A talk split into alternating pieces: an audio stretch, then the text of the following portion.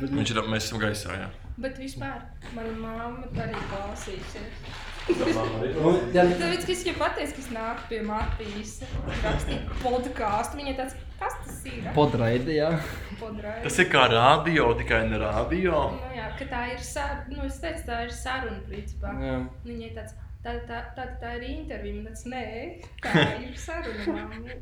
Jā, mēs cenšamies vairāk pieturēties pie sarunas, nevis intervijas. Nu, Nu, jā. kādā Lai veidā. cik ļoti man tas ne, ne, nesanāktu, bet tomēr mēs to cenšamies ievērot. Jebkurā gadījumā. Tas sanāca. Paldies. Bruno. Prieks. Tas- tas Ar Bruno un lai- ar Artūru tur, tur, tur tas Jā, interesanti. pirmais bija ļoti tāds, tā kā, Nu, pirmais mēs bija- tajā vakarā izdomājām, ka mēs gribam podkāstu taisīt. Galvu novācām, uzlikām kompi. Un izdomājām nosaukumu vēl visam pavisam. Jā, jā. Ļoti produktīvi viss. Um, Es vēl gribēju pateikt, aizmirsu. jau. Jebkurā gadījumā, uh, labvakar, klausītāji. Šī jau ir uh, 4. 5. epizode. Ja? Sanāks. Ja mēs-. 4. vai 5. es īsti jau neatceros. Ja es neesmu sabojājis neko normālu epizodi, gan jau viņa būs 5. Tas ir tāds mazliet šo, šoks. Jā. Um, uh, ciemos mums ir Edīte, mana kursa biedrene. Tur ir Mārta ar roku. Jā. Tur ir mazliet pastāstīt, kas tu esi, lai būtu kaut cik backgrounds par to, kas ir šī persona Edīte. Oh, man. Es tev vienkārši Uzreiz tāds spiediens. Jā, es, es esmu šausmīgs. Jā. garš monologs Droši. par, par to, kā tas ir pastāstīt par sevi un pastāstīt, kas ir Edīte. Jo es vienreiz, nu nevis vienreiz, bet vairākas reizes ar šo spēlējos, mm. kā es sev pasniedzu citiem cilvēkiem.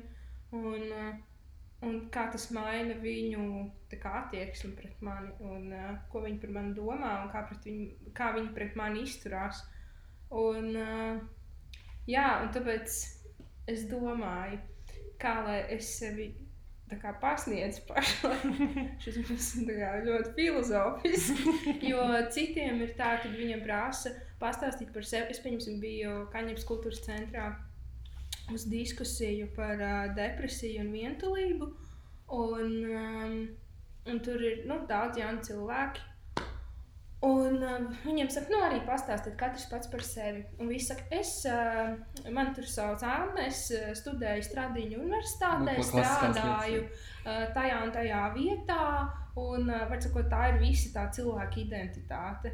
Mhm. Un tad man ir tāds, nu, man pašlaik ir akadēmiskais gads. Teorētiski, ja es tagad sāktu stāstīt, jā, es studēju Latvijas Kultūras Akadēmijā, tad uzreiz ir kaut kāds iespējas. Backgrounds, ka tu es esi tur. varu- jā. Kā izlaist šo detaļu, ka es pašlaik esmu akadēmiskajā nu, gadā, ka man ir pārtraukums, tad ir tā kā viena veida attieksme pret mani.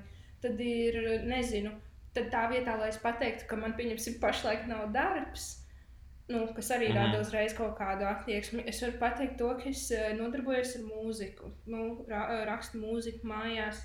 Un, eh, nu, Bet kur var paklausīties? Aha, Jā, dod- linku. Spotify. Jā, nu, un vienkārši visu laiku es domāju par to, to savu identitāti un arī par to, kā citi cilvēki sev prezentē. Es to ļoti daudz skatos, un man paliek depresīvi, kad es dzirdu no cilvēka, man sauc tā un tā, es studēju tur un strādāju tur. Un Tas Jā. šablons, principā. Jā. Jā, par tiem šabloniem es gribēju minēt par to, ka, kad tu strādāji par apkopēju tajos dzīvokļos. jā. Mājkalpotāji. Ir sorry, jā. veids, kā to var citādāk Kā nodarīt. to var uzreiz interpretēt savādāk? Uzreiz savādāk sajūta, kad pasakā Maikalpotais, nevis ap apkopējs. Nu, Nu, Nu, protams, jā. jā. jā, tas ļoti arī no valodas atkarīgs. Mm. Tur arī bija tas prikals, tajā, kāda bija tā filma par atkri, at, atnākšanu, ierašanās. Par to, kā caur valodu cilvēks spēj izprast laiku. Tur bija tāds interesants koncepts. Un, ka, ka sieviete ie, iemācās valodu un uzzina par savu tagadni, nākotni, sāk viņu kontrolēt. Ļoti Wow. faktāli, bet ļoti interesants Jā, koncepts. Ar Raivalu viņa laikam 18. gadā, ja nemaldos. Kur tā aktrise bijusi? Labi, jā. Šo filmu es gribu redzēt. Aptēt, kā visi youtuberi aprakstā vai kāda description, jā. Noteikti nebūs, bet ar Raivalu ne, kaut 18. gada filmā. Es, to- es to noteikti parādīšu arī Ok, skatītājiem, gan jau ok. atradīs, ja gribēs. Jā. Okay, tu, minēji, ka mainās attieksme pret tevi, un, un cik tas tev svarīgi ir, kāda ir tā kā, citu attieksme nu, pret tevi, piemēram. Nu, tas ir jautājums, eh, ko man vajag no tiem cilvēkiem. nu, vai man vajag kaut kādu labumu no viņiem iegūt? eh, tīri, lai viņi ir mani kaut kādi kontakti kaut kādā profesionālajā sfērā, nu nezinu, pieņemsim, mūzikā. Vai arī es vienkārši gribu draudzēties ar viņiem. Un tad, principā, nu jā, tad tu vari bīdīt to, kā tu sevi at, nu, attaino viņiem. Jo, piemēram, arī par to, ka es strādāju kā mājkalpotāja, nu neviens to tā nebija nosaucis. Mhm. Un, uh, nu, man vienkārši, es esmu cilvēks, kurš tīra citiem cilvēkiem dzīvokli. Nu, neviens neteica, hei, tu esi mana māja kalpotāja, nāc tīri man māju. Jā. Bet uh, es vienreiz ar vienu no asistentēm, kā, ar kuru man bija tas tiešais kontakts, nu, mēs runājam, viņa tāda, nu, jā, nu, kā, kā šo nos, nosaukt kā mājas, mājas uzkopēju, tu, nu, nu, tu neesi apkopēji, nu, tas nav tā. Un tad viņi arī bija tāds, kamēr viņi atrada to īsto vārdu. un, uh, un, nu, jā, nu, mājkalpotāji tīri pēc profesijas apraksta tieši atbilst tam, ko es darīju. Mhm. Nu, jā. Vai tev ir kādi jautājumi Vai par mākslā portājiem? Kas tev patīk vairāk? Fērija vai es nezinu, cīva vai kā viņš tur Kā sauc? labāk slaucīt, kad jau vajag putekļi vajag. Nav vērts pirkt putekļu sūcēju par kaut kādiem 600 eiro. To es jums čist varu pateikt, jo nav jēgas. Viņš reāli nesūdz. nu, tā kā, nu, tur, tur neielien tie lielie visi mēsli, kas, kas tur ir. Nu, ne, ne. Nē, nu, zini, kā, nu, man ir bijis agrāk mājās tāds uh, remonts, putekļu sūcējs. Jā, tas kerkers, tas, tas, Jā, tas nu spēcīgais. tā ir Nu, tā ir manta, Un jā. Viņš pat nav tik dārgs. Jā, viņš nav ne tik tad, viņš- tad, pārējie putekļi sūcēji vienkārši nevelk. jā. Jā, Jā, tas sūc. Tad vēl pa, Nav. ka, tīpaši, ka pat paklāja kaut kāda bez Mašīnām ir īpaši. Ah, jā, tu vēl taču strādā mašīnas Es, kopā. nu, es piestrādāju vienā brīdī. jā.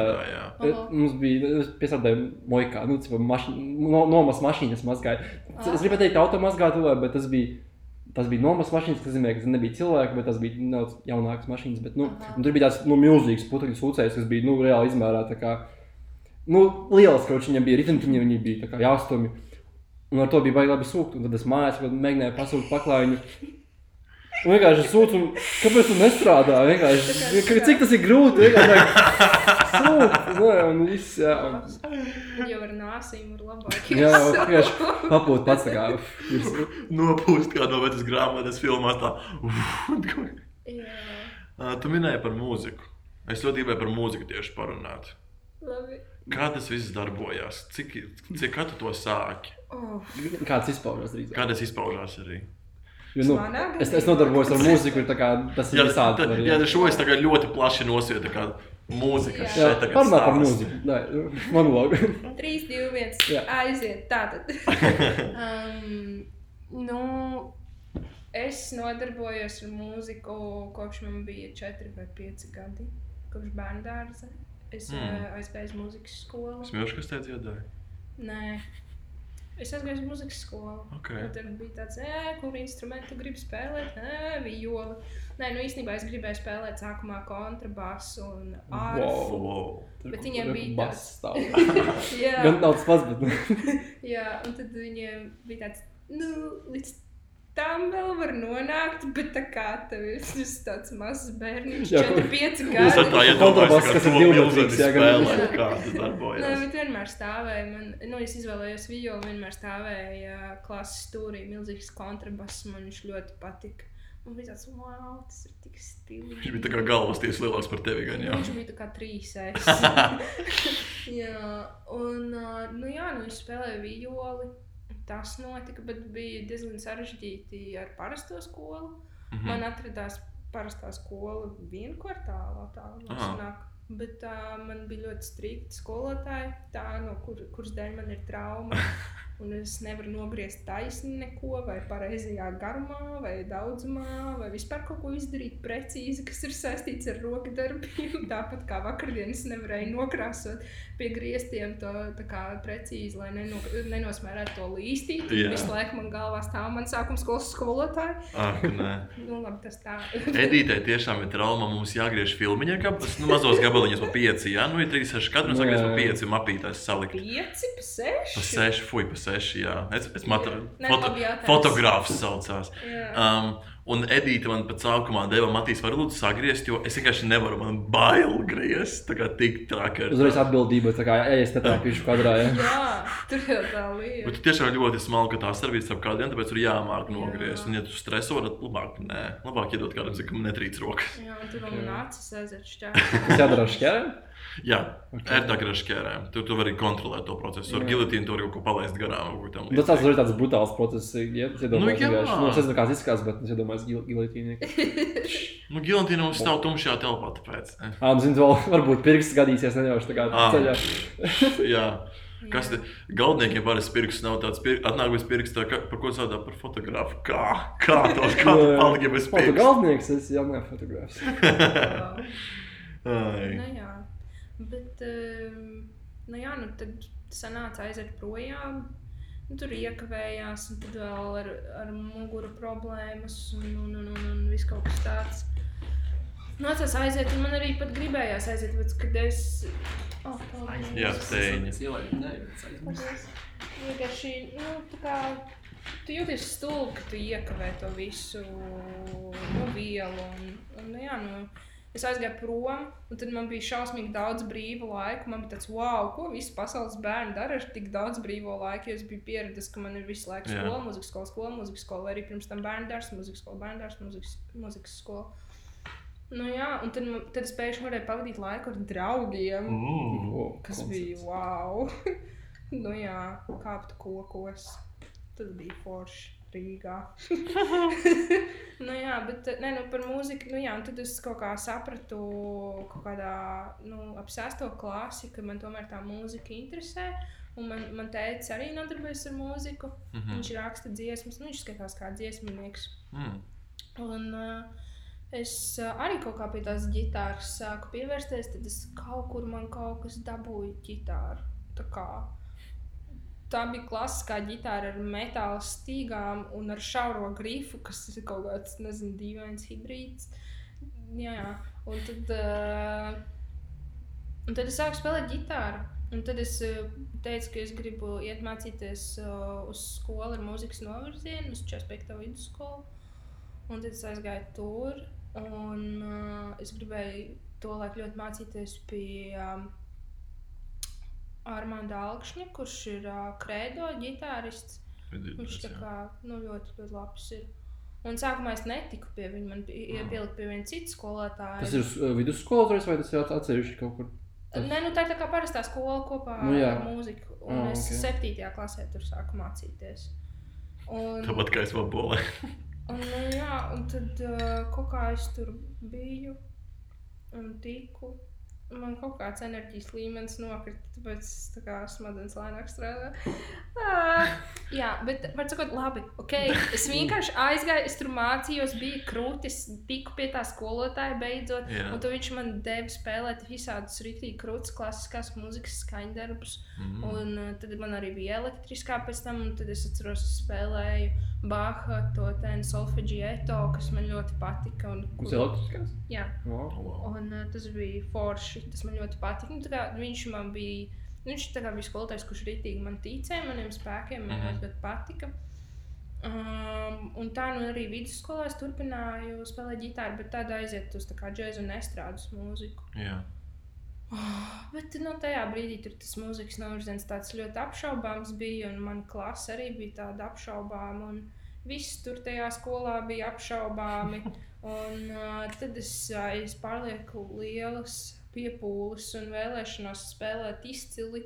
Un arī no skolotājas spiediena es uh, sačakarēju sev roku, tāpēc ka Mm. es par daudz vienkārši spēlēju un iespējams kaut kā nepareizi turēju, ko man neviens nebija pateicis. Tā Nu, vienkārši noslogoja par daudz. Jā. Jā. jā, un tagad man visu laiku tur ir iekaisums rokā, un es nekad nevarēšu spēlēt. daudz. Es nepārāk sen skatījos filmu um, Whiplash, Jā, Jā, kas ir jā. jā. par uh, džēza bundznieku. Mm. -hmm. Tieši tur bija aina par to, kā viņš uh, trenējies, uh, lai es pareizi nospēlētu. Viņš trenējas vienkārši bliežot nepārtraukti līdz, līdz tam, ka viņam rokas asiņo. Jā, es Tas atceros. laikam nav baigi pareizs veids, kā trenēties. Tas Tomēr. nav, bet, bet Latvijā man bija tieši uh, saruna ar vienu bundzinieku pirms, nu, nezinu, varbūt gada.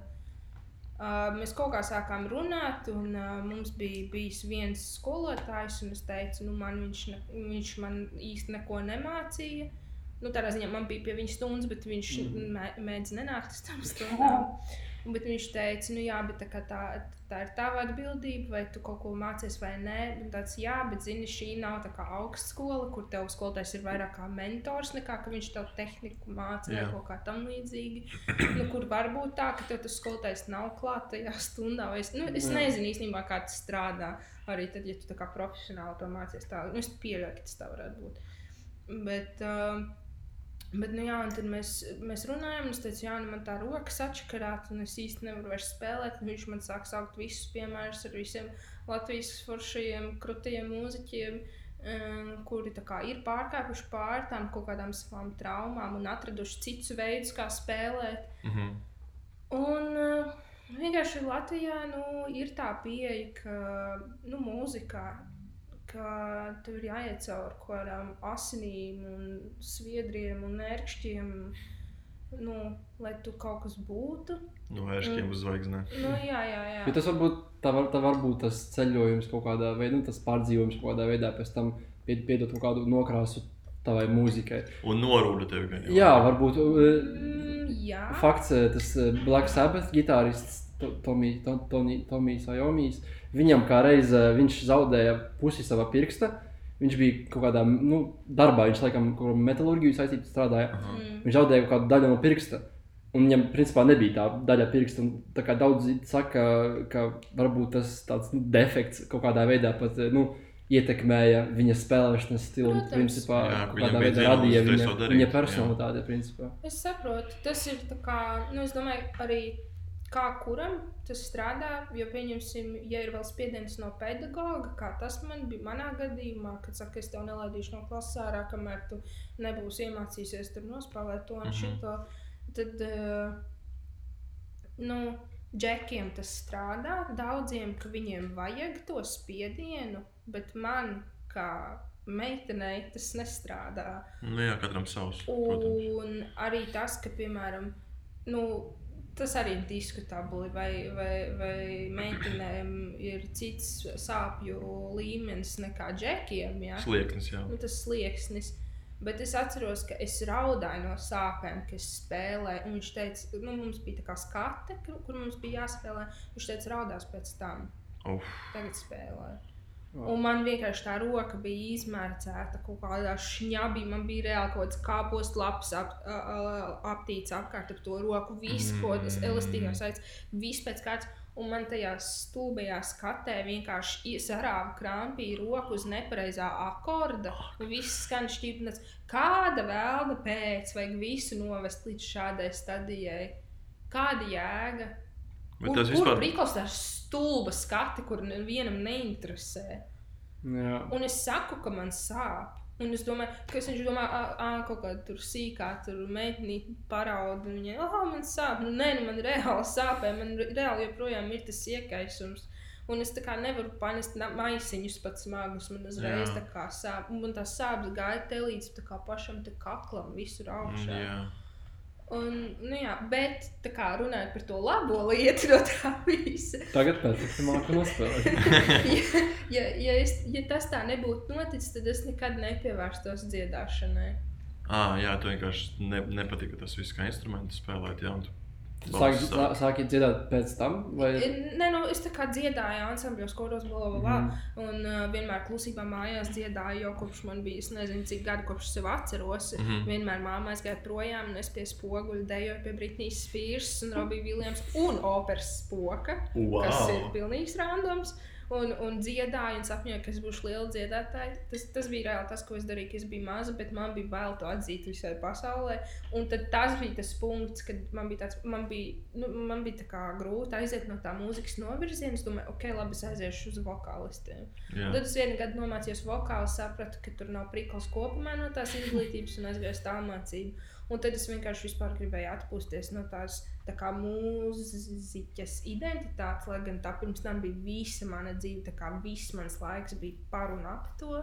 Aha. Un tad es tā kā pazaudēju kaut kādu daļu sevis.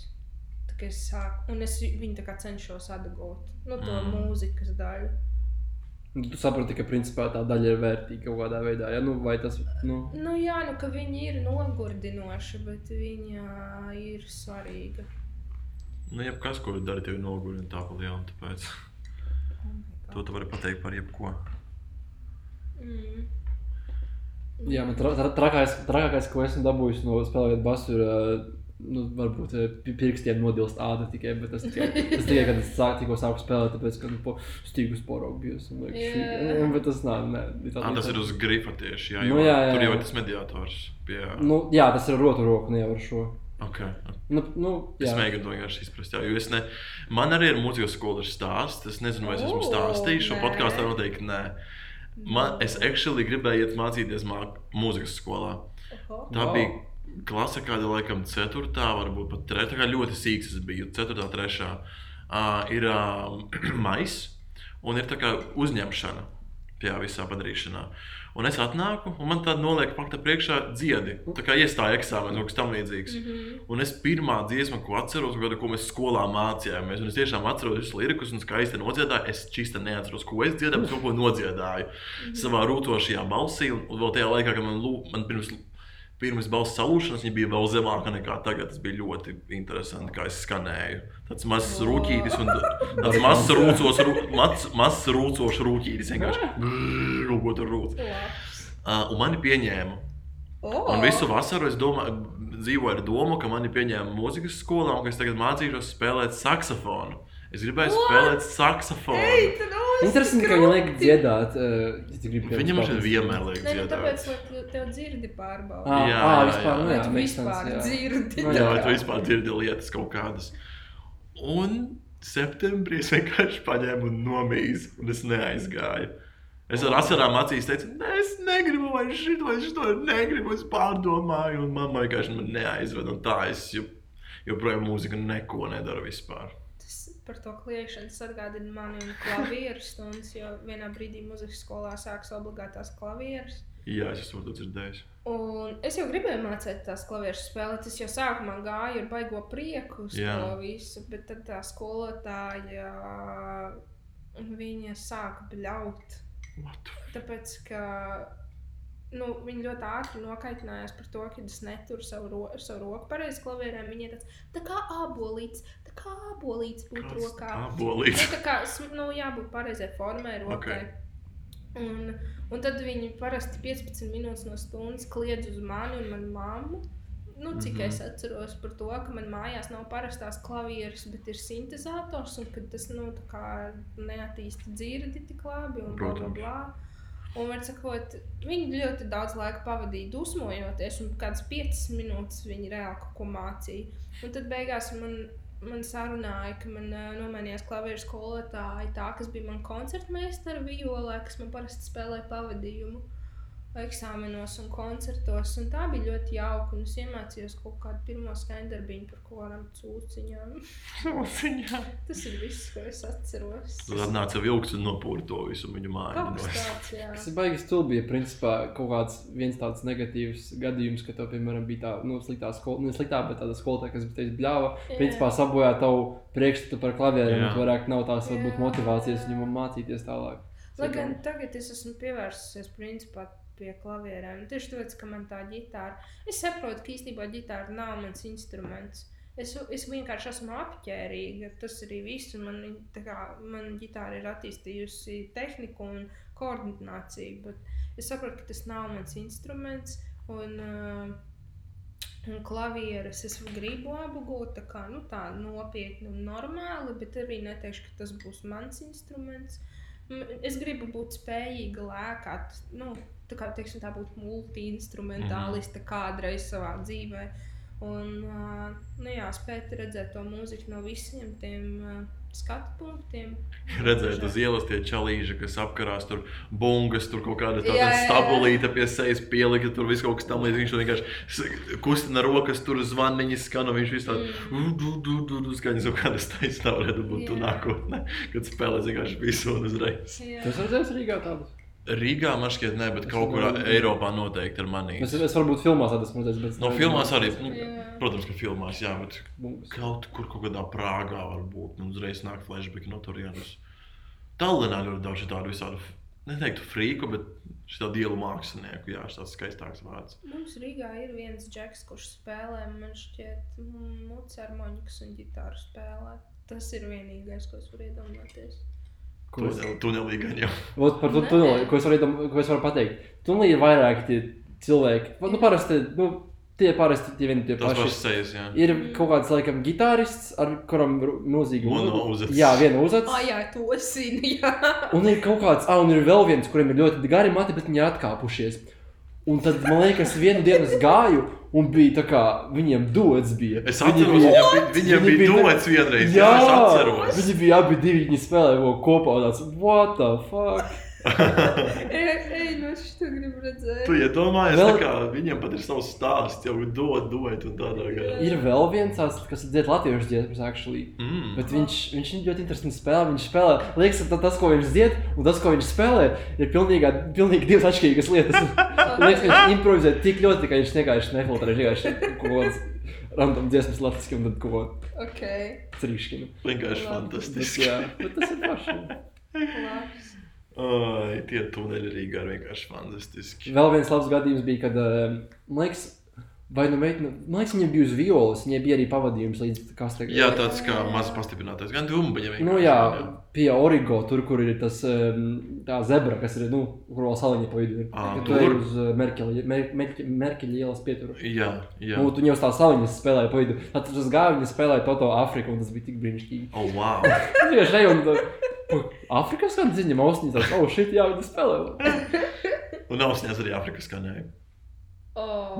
Ā, nu, nezinu. Viņa- Vai, vai arī, eh, kad es, kad eju tunelī, vienreiz dzirdēju bungas tur iekšā. Es padomāju, ka es ieiešu tunelī iekšā, un tur būs kaut kāds boss fights. Tā kā man būs jākauj. Es nezinu, kā kaut kādi in- nu, kaut kāds Native American. tāds Kā- kas ir ar to dziesmu, to, to Āfriku, to tur? Tāpēc, jo tīri ļoti daudziem džekiem tā dziesma ir uzlikta. Viņa, viņa, viņa kā mīmīms, ir, jā, tā ir kulta ļoti. dziesma. Man ļoti patīk tā dziesma, bet, nu, tā kā. Man Marks viņa parādīja, ja Bet, pirms ā, viņa ir ļoti veca, bet viņa nesen uzzināja par viņu bet nesen. tā kā, kas ir tas mīmīms? Es tā kā At, neesi dzirdējusi viņu? Nē, es esmu dzirdējusi, bet es do, ne, nu, tā kā dziesmu. Es esmu dzirdējusi. Vienkārši es neesmu tik ļoti iekšā tajā interneta kultūrā. Un es domāju, ka es redzu, ka tik daudz cilvēkiem ir tā dziesma. Es domāju, ka tam ir kaut kāda vēl. Jā, apakšā savā laikā, laikam, tas bija hits, kas nu, bija ļoti, ļoti populāra. un Tāpēc Jā. es iedomājos, ka ļoti populāras lietas paliek kaut kādā brīdī par kaut kādu apsmieklu, kas varbūt nenāk no apsmiekla par dziesmu, bet vienkārši Jā. ap- apsmiekla, tāpēc tas ir vienkārši mīmīms. Nu, jā. Bija tā dziesma, nevar būt give you. Jā, tas, arī- tas arī ir mīmīms, tas ir pilnīgi. Jā, tas arī nāk vienkārši no tā, ka randomīgi cilvēki sāka postot linkus. Tas bija ļoti sen, laikam, in, interneta pirmsākuma. Vienkārši kāds papēsa linku un kāds posto linku uz Rika nu, Rolu, principā. Bet es Ja- nezinu, kāpēc tieši tā ir laba dziesma. vienkārši, Nu. Ja atgādināsiet, tas ieslēgšu vienu mīmīmu un Afrikas aizsardzību, viņš vienkārši fantastiski Ok. rēcīgs. To ļoti es teikt patiks. Tu minēji atkal par internetu. Un tev bija, tā, tā, tev bija tie posmi, kad tu detoksējies no viņa tā kā ļoti izteikti. Ak, Dievs, jā. Kā mazgājies no no tā visa pretīgā Ai, interneta. Jā, fuj, pēj, prom. Pastāst par to, man ļoti interesē. Oi, zini, es ar māmu vēl par šo runāju vakardien laikam. Ai. Man ir sajūta, ka pašlaik ir pēdējais brīdis, kad izlikt no tā sociālā tīkla vagona. Okay.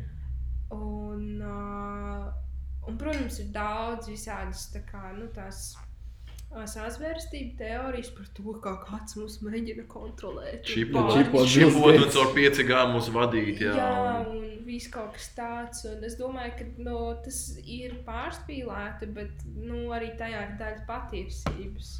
Un, uh, man, pieņemsim, biedē visi tie, um, tie artificial intelligence, tie Nu. tur roboti. Un, un uh, man vienkārši sajūta, ka nu, es daru sev pāri, esot tajos sociālajos tīklos. Mhm. Un varbūt kāds domātu, ka tas ir tāpēc, ka, zini, man Instagramā varbūt rāda puspliks beigas ar dibeniem un Havaju salās, Kam kuras nerāda? flekso ar savu ideālo dzīvi. Man nav tāda cilvēka, es nesakoju tādiem cilvēkiem eh, Instagramā, Facebookā un tā tālāk. Bet vienkārši atkal par to identitāti. par to, ka tā ir tik maza daļiņa no manas identitātes, Jā. un tas, cik ļoti es apzinos, kā es viņu varu bīdīt, ka man tas biedē. Un man vienmēr sajūta, ka, ja es kā pasniedzu sevi tur kaut kā, tad es meloju. Un es meloju mm, tādā ziņā, nu, jo es pasniedzu tikai daļu no patiesības. Man sajūta, ka tā ir melošana. Mm. Man sajūta, ka es nevaru parādīt sevi. Un tad es labāk gribu, ka es iepazīstos ar cilvēkiem dzīvē, ka es ar viņiem parunājos, un viņiem nav nekāds iespējas par mani iepriekš radies. Jo es esmu dažreiz skatījusies, mēģinājusi skatīties uz saviem nu, sociālajiem tīkliem no malas Jā. un saprast, kādu iespēju es radu. Un uh, es saprotu, ka nu, man, man varbūt gluži viņš īsti nepatīk, bet vai tagad es viņu sākšu? Nu, tas, ko es tur parādu, tas nav tā, ka es domāju, ka ah, es gribu tagad izskatīties, ka tur man nezinu, ir daudz naudas, vai es esmu tur stilīga, vai es nezinu, ko, Mhm. kā. Bet, bet tā dažreiz man šķiet, var izskatīties. Un, uh, un es tā negribu. Man vienkārši, man, nu, es tā kā rīktīgs patiesības aiz, aizstāvētājs esmu. Un tad daudziem ir tāds, ah, oh, bet vai tiešām tu gribi zināt patiesību vienmēr par visu? Un es saku, jā, tāpēc, ka tad es esmu brīva no ilūzijām un uh, es Taisnība. varu dzīvot mierīgi.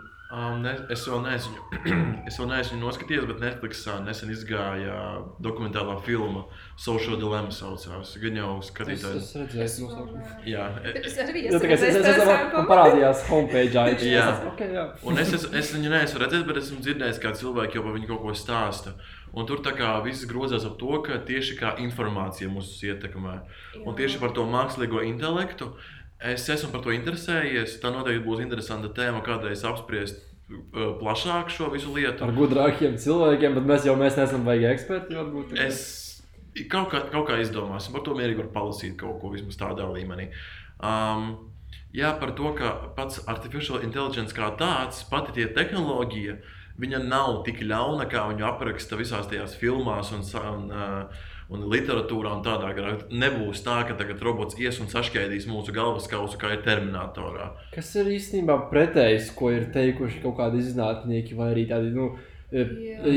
Jo, piemēram, pats nu, labi, Ilons Masks nav īsti zinātnieks, bet viņš kaut kādā veidā varbūt viņam ir vērts, vied, nu, vērtīgs viedoklis tajā ziņā. Un viņš ir teicis arī, man liekas, Bills Gates ir minējis to, ka nu, ir jāuzmanās tādā veidā, kā nu, Nu, protams, ka tas var aiziet nu, kaut kādā veidā. Nu, Ārpus nekontrolējam mūsu kontroles. Ja mēs to darīsim nekontrolējami, protams, ka var rasties otrs Džarvis, kurš tagad pārjums pāri to, kurš gribēs iznīcināt pasauli. Džarvis tas ir Marvel, tās tā multenes, viņas tā var nosaukt. to, to var arī viņas arī nezināt, ja kāds saprot, saprot. Um, un tieši par to informāciju, jā, ko es iesāku. Ka um, sociālai tīkli liek mums dzīvot informācijas burbulī, pa lielam, tādā abstraktā. To, ka, piemēram, es nezinu, um, politiskie uzskati, ka Mhm. puse Krievijas domā, ka Putins ir labākais prezidents, kādu viņi var iedomāties šīs zemeslodes, Jā. kamēr atkal otra puse, no vai kaut kādi procenti, um, seko cilvēkiem, ka ir savādāk uzskats par tieši par prezidentu, viņi netic tam, ka, prezidents, ka šis prezidents viņiem būs tas īstais variants. Un vienkārši puse valsts dzīvo šobrīd burbulī. Jā, ap tevi veidojas tavu uzskatu līdzīgu kaut kādas. Nu, Jā. tu principā redz tikai kaut kādu sa- s- to, ko tu vēlies redzēt. Tieši tā. Tas pats ar to plakano zemi. Cilvēks vienalga, tas, kam interesē tas fakts, ka, ka tas pierādījums, ka zeme būs plakana, viņš sēdēs un skatīsies katru video, kas YouTube iznāk no kaut kāda atkal aizbraukušā čalīša, kurš teiks, ka lidmašīna, kad lido, viņa taču ne, ne, negriež degunu uz leju, kad apgriež apaļo zemi. Tā tas ne, neizskatās. Vai arī tie paši tagad aktuālie gobzem atbalstītāji, vai arī masku noliedzēji un covid tā kā Jā, jā, jā, jā. Atkal, tas ir tāpēc, ka viņi principā izvēlas sev tādu telpu. Viņi, iz, tā kā, viņi redz tos rakstus, kurus viņi grib redzēt, Jā. un viņi notic tam. Un viņi ignorē to, kas ir kaut kādā no ārpus viedokļa. Ļoti labi, tu pateici. Vienkārši es domāju, nu, patieši par to informācijas, tiem burbuļiem un visu to, ka pašlaik vissvarīgākā prasme, kas ir jāiedod bērniem, ir kritiskā Tieši domāšana. tā. Un kāpēc man pieņemsim nešķiet labs uh, variants izglītībā, ka cilvēki ļoti nu, koncentrējas uz vienu pieņemsim, jomu. Pieņemsim, es tagad gribu būt baigās literāts, es mācos tikai ļoti intensīvi par literatūru un tā tālāk, jo tas vēl vairāk nogrūž to bērnu. Ja bērnam ir vispārīgi, nu, tā vispārīga iz, izglītība, kur viņš mācās gan fiziku, ķīmiju, nu labi, ok, pieņemsim, tā kā tagad mums ir humanitāri un ekstraktie mm -hmm. novirzieni, tas man šķiet ok. Bet, ja tu pilnībā aizved mm. viņu pa vienām sliedēm, viņš nesapratīs, tad, kad viņš nezinu, izdomās kļūt par nezinu, ekonomikas mi ministru, par finanšu ministru. Viņš nesapratīs, kādu vēlmu pēc vajag kultūrai finansējumu, jo viņš mm -hmm. neizprot to cik sarežģīti ir uztaisīt mākslas darbu, cik Jā. uh, gadiem ilgs darbs tas ir, kamēr tas cilvēks var jau haidīgi kubu uzzīmēt. Un, un kur nu vēl kaut ko vairāk? Ak, tie kubiņi vai guļošie cilindri. Mm. Nu, Melnu kvadrāti. un, un tad, pieņemsim, vienkārši tad veidojas tā kā tie burbuļi, kur kur cilvēki domā, ka tas ir neiedzīgs, pieņemsim, vienkārši pilnībā noraksta, ka kultūras nozarei nav nepieciešams finansējums vai atkal kāpēc tiem politiķiem pieliek algas, viņi taču neko nedara. Un, un ja tu esi vispārīgi izglītots cilvēks, tad tu saproti, nu, tu vari kritiski izvērtēt, un tā kritiskā domāšana ir nenormāli svarīga. Un par tiem burbuļiem, jā, tas ir, tas ir greizi. Pieņemsim vienu lietu, par ko es esmu ļoti priecīga. Es esmu dzīvē uh, nomācījusies četrās dažādās skolās, wow. kur katrā ir pilnīgi citādāks sociālo-ekonomiskais uh, sabiedrības slānis. Jā. Un es esmu redzējusi kā, no pašas augšas no, līdz pašai kāda cilvēka var būt, um, no kādām ģimenēm viņi nāk. Mm -hmm. Un visu to es esmu piedzīvojusi. Un man nav ilūzijas, ka visi, visi domā vienādi. Man tā kā es aizgāju no savas pirmās skolas uz savu otro skolu, es domāju, ka visiem ir skaidrs, ka tu nesit, ka tu neskrien skolā, ka mēs mm lasām grāmatas, mm -hmm. ka mēs ļaunākais, ko tu vari pateikt, ir stulbenis, un ka tu esi muļķis, vai ka tu esi, nezinu, tur, pieņemsim, es savu māsu vienreiz savā dienas grāmatā sākuma skolā nosaucu ķipa, manuprāt, ļoti rupji par lielu sarkanu tomātu. Oh. jo viņam bija sarkana matu. Tā, tas tā, ir tā rupjības pakāpe, kur es zināju. Mm, un, tad okay. es, un tad es aizēju uz to skolu. Uf. Un visiem tāds bļos, suka, nāk. un man ir tāds, ko tas nozīmē? Kas tas ir? Un man ir tāds, oh, šausmas. Šausmas. Un, un vienkārši, kad tu redzi to visu, tad, tev, tad tu arī esi pirmkārt empātiskāks pret citiem cilvēkiem, nu, kas nāk no dažādām vietām. Un, jā, jo man vajag žēl visus tos cilvēkus, kas ir nomācījušies vienā skolā no 1. klases līdz 12. klasē. Tāpēc, ka viņi nav iemācījušies nu, manuprāt, nu, es nesaku, ka vienmēr, bet es esmu pamanījis dažus piemērus, ka viņiem mm. ir grūti pēc tam vispār dabūt jaunus draugus, jebkurā vidē, kurā viņi ieiet. Viņi nespēja adaptēties tik ātri. Tāpēc man šeit mainīt skolas ir labi. Nu, man bija tāds diezgan uh, liels spēriens pēcpusē, kad es pārgāju 7. klasē uz lauku skolu. Mm. Jo pilsētā man draugu pa lielam gandrīz vispār nebija. Bija tikai divi ar pus cilvēki, kuriem es principā sarunājos. Un vēl bija viens čalīts, ar kuru es apspriedu katru trešdienas rītu gāzi grīdā, kurš, kur vienmēr rādīja pa TV6 uh, otrdienas vakaros. Un tā bija mūsu vienīgā saruna. Tā kā Nu, labākais draugs, kāds jebkad ir bijis. Labākais draugs. Neatceros viņu vārdu. Trešdienas rītos vienkārši aprunāt to, kas tur notika tajā epizodē, jaunajā. Jā, tas bija ļoti, ļoti skumji un interesanti vienlaicīgi. Un tad es pārgāju uz Vaboli. Un tad Uz lauku skolu. Uz lauku skolu, jā, kur mēs bijām 16 cilvēku klasē, jā, tā kā daudz mazāk. Ja Daugopilī mēs bijām kaut kur ap 30, mazliet mazāk. Tur bija uz pusi mazāk, skola daudz mazāka, viss pilnīgi savādāks. Jā. Un man tajā visā bija jāizdzīvo. Un tie ir ok.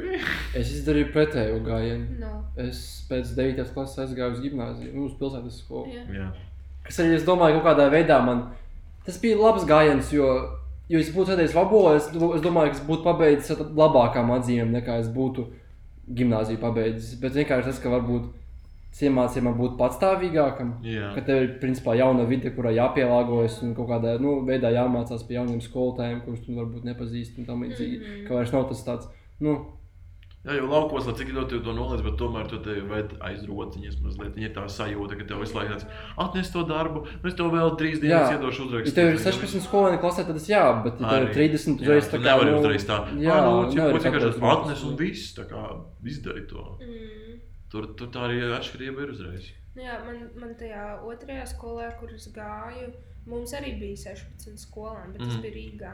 Okay. Um, es gāju speciālajā skolā, kur ir priekš uh, cilvēkiem, kuriem ir, uh, nu, sākumā oriģināli viņi skaitās priekš cilvēkiem, kuriem ir uh, ar muguru problēmas. Nu, vispār, nu, tur Mm. vienkārši vingrošanas ir Ah, klāta. ok. Nu, tā kā tu mācies parasti tās lietas, plus tev vingrošana ir katru dienu. Mhm. Un kas tā kā labi, nu, sportiņš. Protams, tam visam ir viens liels, milzīgs mīnus, jo tā skola vienkārši nenormāli sačakarēja man muguru. Un uh. sačakarēja viņu ļoti ātri un ļoti smagi. Un, nu, var sakot, nekāda jēga no tā nebija. Un um, tur bija tā, ka izrādījās, ka tur tam visam pa vidu tiem cilvēkiem, kuriem ir kaut kāds fiziski, nu, tra, nu netraucējumi, nu, kādam izteiktā, kādam tur kaut kas ar ribām vai, vai, ir- vai, vai ir kaut ko citu.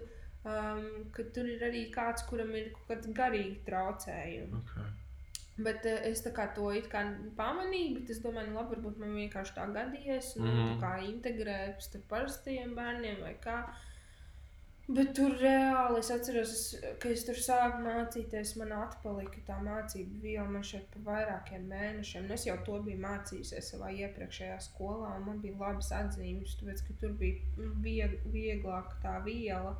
Mhm. Un, uh, un tad es aizgāju pēc tam uz tā kā 45. vidusskolu.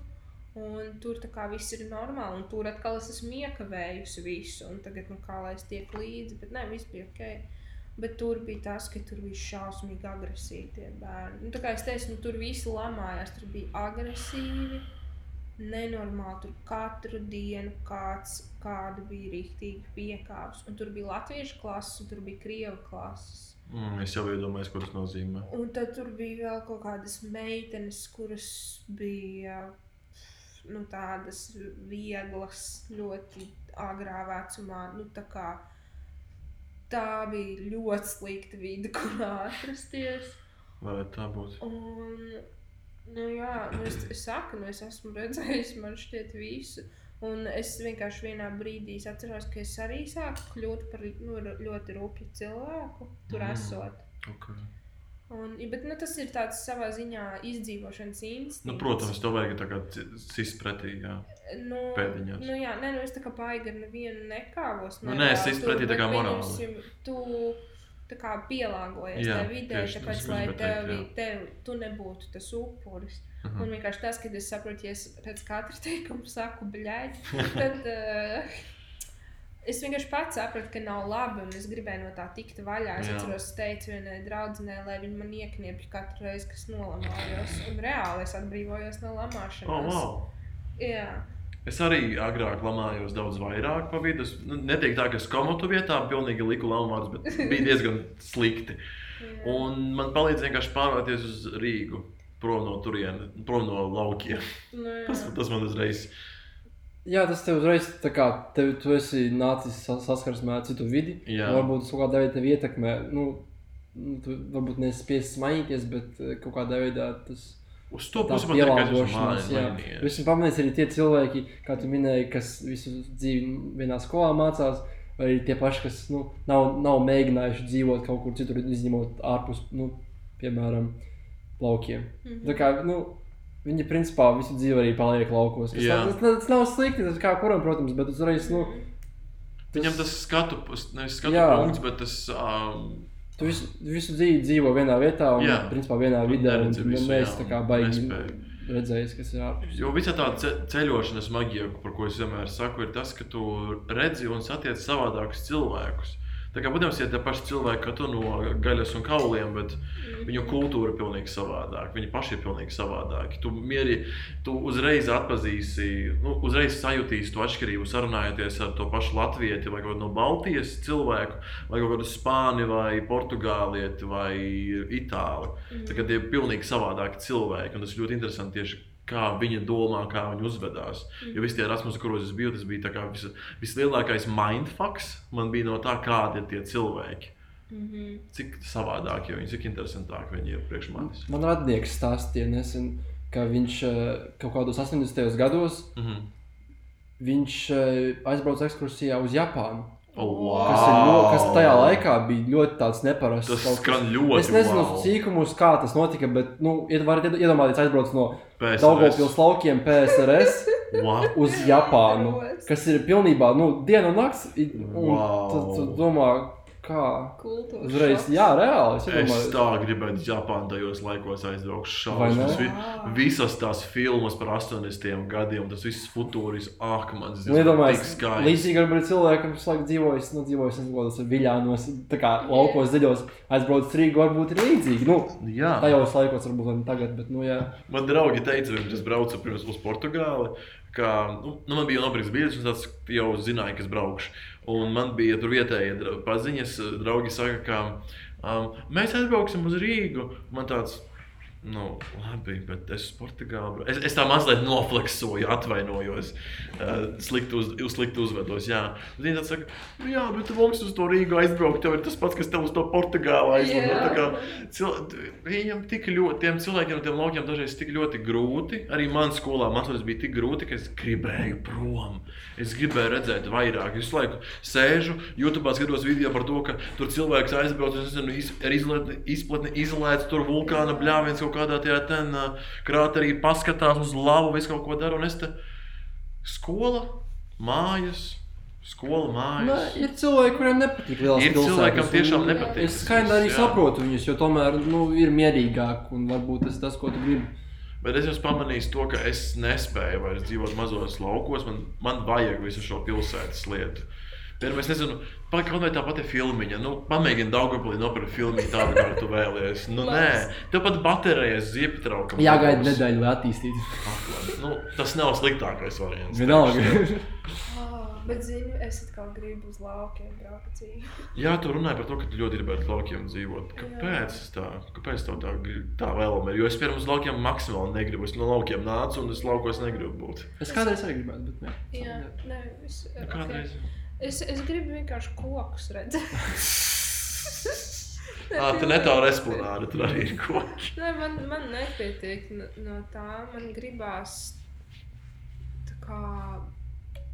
Man no daba palīdz rīktīgi kaut kā nobremzēt to dzīvi, dzīves, to baigo ātro gaitu. Mhm.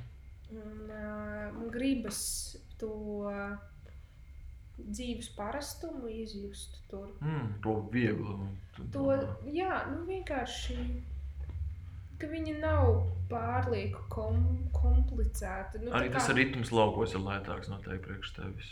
Jā, jā, nu vienkārši man, man, gribās, man gribās kaut kā prom no tās jēzagas bišķiņas. Jā, Lai gan man patīk tā jēzaga, bet man vajag stiprus tos kontrastus. Tāpēc man patīk vasarā, pieņemsim, es tur, nezinu, trīs dienas esmu vasarnīcā, trīs dienas Rīgā, trīs mm -hmm. dienas Mhm. vasarnīcā, ka man patīk tā pārēja. jā.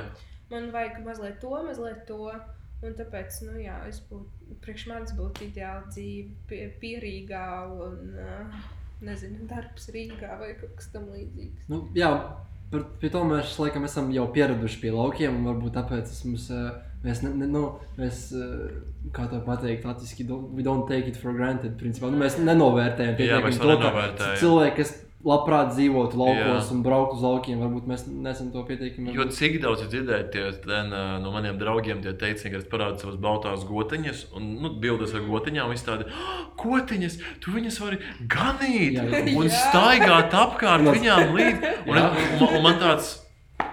Uh, lauku romantika pazūd uzreiz tad, kad tu sāc dzīvot laukos. Jā. Tā kā visi tie lauku darbi, protams, tas ir romantiski, ka tu tur atbrauc. Aizbraukt ir forši. Jā, tur pabūt labi. Ne, nedēļu tev pat varbūt interesanti liks, nezinu, izravēt dārzu vai tur pakaplēt kaut ko siltu. Nu, nu, nu jebkuram katram savs, protams, nezinu, aiziet tur, nezinu, zāli nopļaut kaut ko tam līdzīgu, traktoru Aiziet uz pavizināties. Uz mežu, es nezinu, ogas palasīt, sēnes palasīt, kāpēc gan ne, bet Pats ir smalks.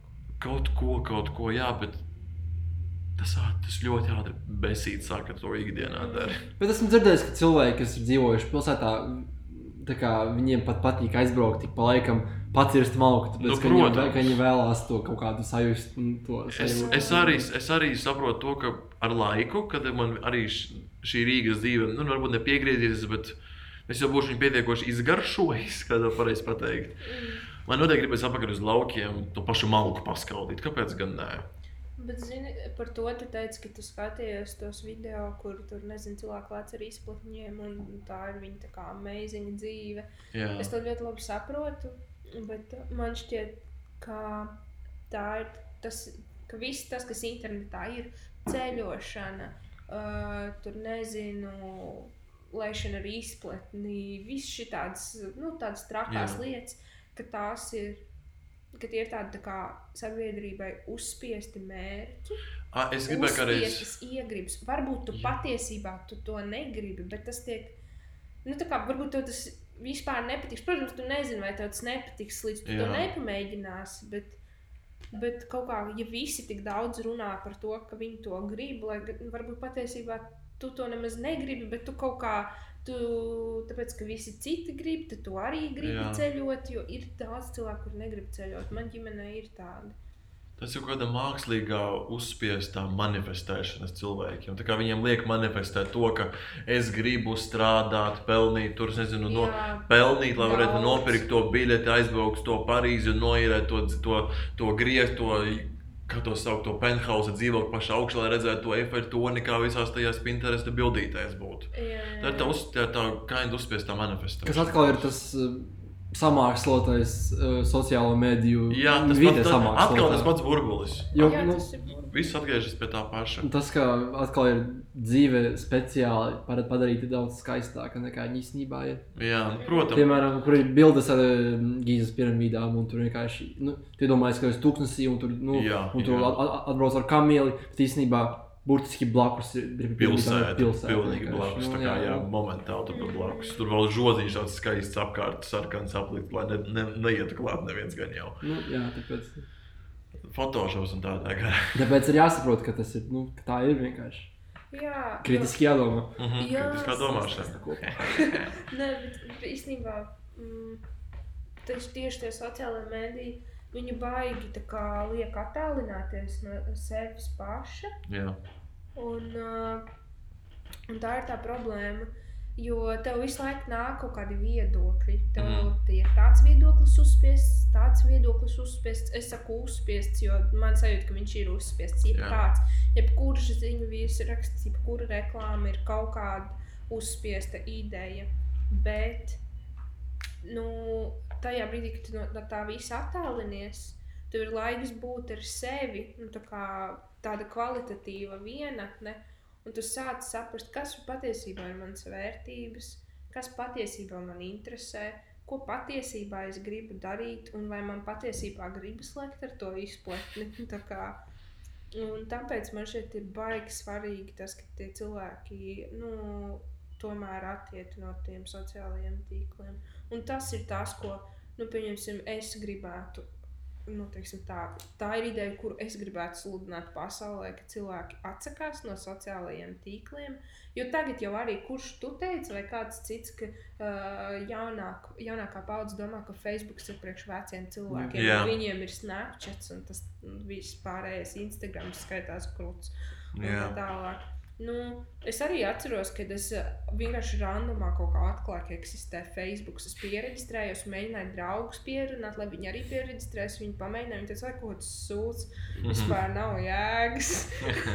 un, un, nu, jā, bet tad, kā mēs pēkšņi pārgājām no draugiem .lv uz Jā, Facebook, ne? es nesaprotu. Es pat nepamanīju, kā tas notika. Tas vienkārši notika. Jā, Es vienkārši iz, iz, izdzēsos, man liekas, tāpēc, ka es neizmantoju draugus. Bet, jā, Jā. Man reāli ir, man bez mazliet gribas sākt akciju, kaut kāds bring back draugiem. CLV. Ai, Nē, nē, nu nē. nezinu, kā. Šis, šis gan jāizgriež. ne? Šis ir, šis ir jāizgriež. tā kā Jo tā kā varbūt tās atmiņas ir ļoti tādas e, tā kā zelta maliņa, tu padomā, Jā. oi, nostalģiski, oi, cik labi bija tie laiki, bet īstenībā, vai Kad tiešām Aska- bija tik labi? Kad Askafēmais atbildēja uz jautājumu, kāda man mīļākā krāsa vai mīļākais saldējums. Dievs, jā. Cipa, labas atmiņas, bet vai tas tiešām bija tik labi? Droši vien, ka nē. Vai tā sadaļa runā, kur tas pa krūto visi tie stulbie mīmēri tekstiem, kur oranžs fons un balts teksts. Tie arī pārgājuši uz Facebook. Facebook Noteikti. Un Instagram un visu šie Ko es gribēju ir. teikt, ka medijos ir tas ļoti tāds pārsātinājums, tāpēc ka tagad visi domā, ka viņiem obligāti jābūt kaut kādam viedoklim par kaut ko. Jā, Es to esmu pamanījis Twitterī, jā, piemēram. tiešām.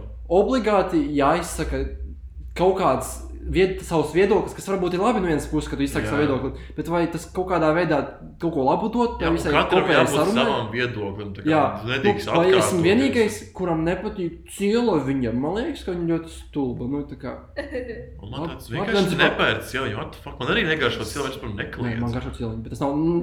Nē, Nē, par to jau. Es, mēs esam Šveicē ar cieliņu. Jā, cieliņi ir gan nice, gan nice kā, kā kur. Bet nu atkal tas, ka obligāti tev, ja, nu, ka tev obligāti jūti kaut kādu vēlmi, nevis vēlmi, bet uzspiestību, ka tev obligāti jāpiedalās, jā, jāpiedalās kaut kādā sarunā, kurā varbūt neesi nemaz tā kā kvalificējies, lai kaut ko vispār izteiktu. Jā. Jā, Es tev Dīvaini eksperti. tieši Jā, tā. es tev tik ļoti labi piekrītu. Es tev ļoti pareizi pateicu. Jo, pieņemsim, arī. Um, nu, tagad, vai jums, pieņemsim, ir viedoklis par politisko situāciju Latvijā? Nu, jums ir. Es, Man uz, nav. es uzzināju, Daļēji, ka, bet tā kā, nomainījās prezidents, tad, kad viņš tā kā tika nomainījās. Es nezinu, kāda ir vēlēšanas viņam. Nē, man ir viedoklis, bet es neuzskatu to kā baigo pien, nu, pienākumu, bet nu, es neuzskatu, ka man tas būtu jāuzspiež citiem. Jā, Tā uzbāzīgi baigi. tā kā. Jā, bet vienkārši tas, kad ir visiem, nu, kad tu pie, ka sajūta, ka visi pieprasa, lai tu esi uh, spējīgs izteikt viedokli gan politikā, uh, gan, nezinu, tev ir jāpārzina viss teātris, un tev ir jāzina, nezinu, vēl kaut kas, kas notiek Amerikas politikā, man reāli. Jā, jā. Tur Taylors, tur Taylors it izlaida jaunu albumu, tu dzirdējis. Jā, Ko? ak, obligāti ir jābūt kaut kādā tajā ma- mainstreamā. Tajā Tas nezinu, bet visā, tā kā, nu, jā. tajā būtu Jā. visu laiku. Izgāja jauna Jā. filma, un viņi tu neredzēji tenetu. Ko? Kāpēc šis vispār atrodies? Durvis ir tur. Tā kā man pieņemsim ar tevi un Bruno ir tas, ka jūs runājat par filmām, un man tāds - nā, nā, nā, nā, nā. Jā, tu neskaties filmas. Jā, Kāpēc tu neskaties? Tu esi audio cilvēks. Es arī esmu. Esam runājuši. Par to, ka atkal, es, piemēram, neju uz izstādēm, un es, nu, es skatos filmas, bet es neskatos filmas varbūt ar tik lielu aizrautību, kā, piemēram, Matīs. jā. Jā, es slimi. Bet, piemēram, es, es klausos albumus daudz, piemēram, ko, nu, kas tas ir savādāk. Jā. Nē, nu, man vienkārši ir tas, ka man nepatīk filmas skatīties vienā. Ah, Tāpēc es skatos filmas parasti, kad es aizbraucu pie tēta ciemos. Un viņš ir tā Aha. kā tas, kurš jau ir izpētījis visas filmas, kuras ir foršas. Un tad mēs skatāmies kopā. es esmu tavs tētis stabils. Jā. Es vienmēr, kā, ja kāds nāks ciemos un prasīs noskatīties filmu, es, es viņam nolikšu kādus piecus variantus viņa priekšā. Tāds, izvēlēties tagad šito, vai, vai, arī es būšu, vai arī es jau būšu atradis un tādu ļoti statement, tad es teiktu, mēs skatāmies šo, jo 20 iemesli kāpēc. Nu, jā, es- Nolasa lekciju pirms filmas. Jā, tā kā traileris vienkārši. Traileris garāks par pašu filmu. Jā, nu, Nevis trēlers, bet tava lekcija. Mana lekcija. Mana lekcija ir traileris, kas ir garāks par pašu tad filmu. beigās negribu skatīties. Jā. kā mēs gribējām filmu Tas Matīs, skatīties. ej, dirst. Es vienkārši labāk paskatīšos seriālu kaut kā. Nē, es esmu vairāk seriāla cilvēks. Mm. Jo tos nevar skatīties tā kā ar kādu kopā.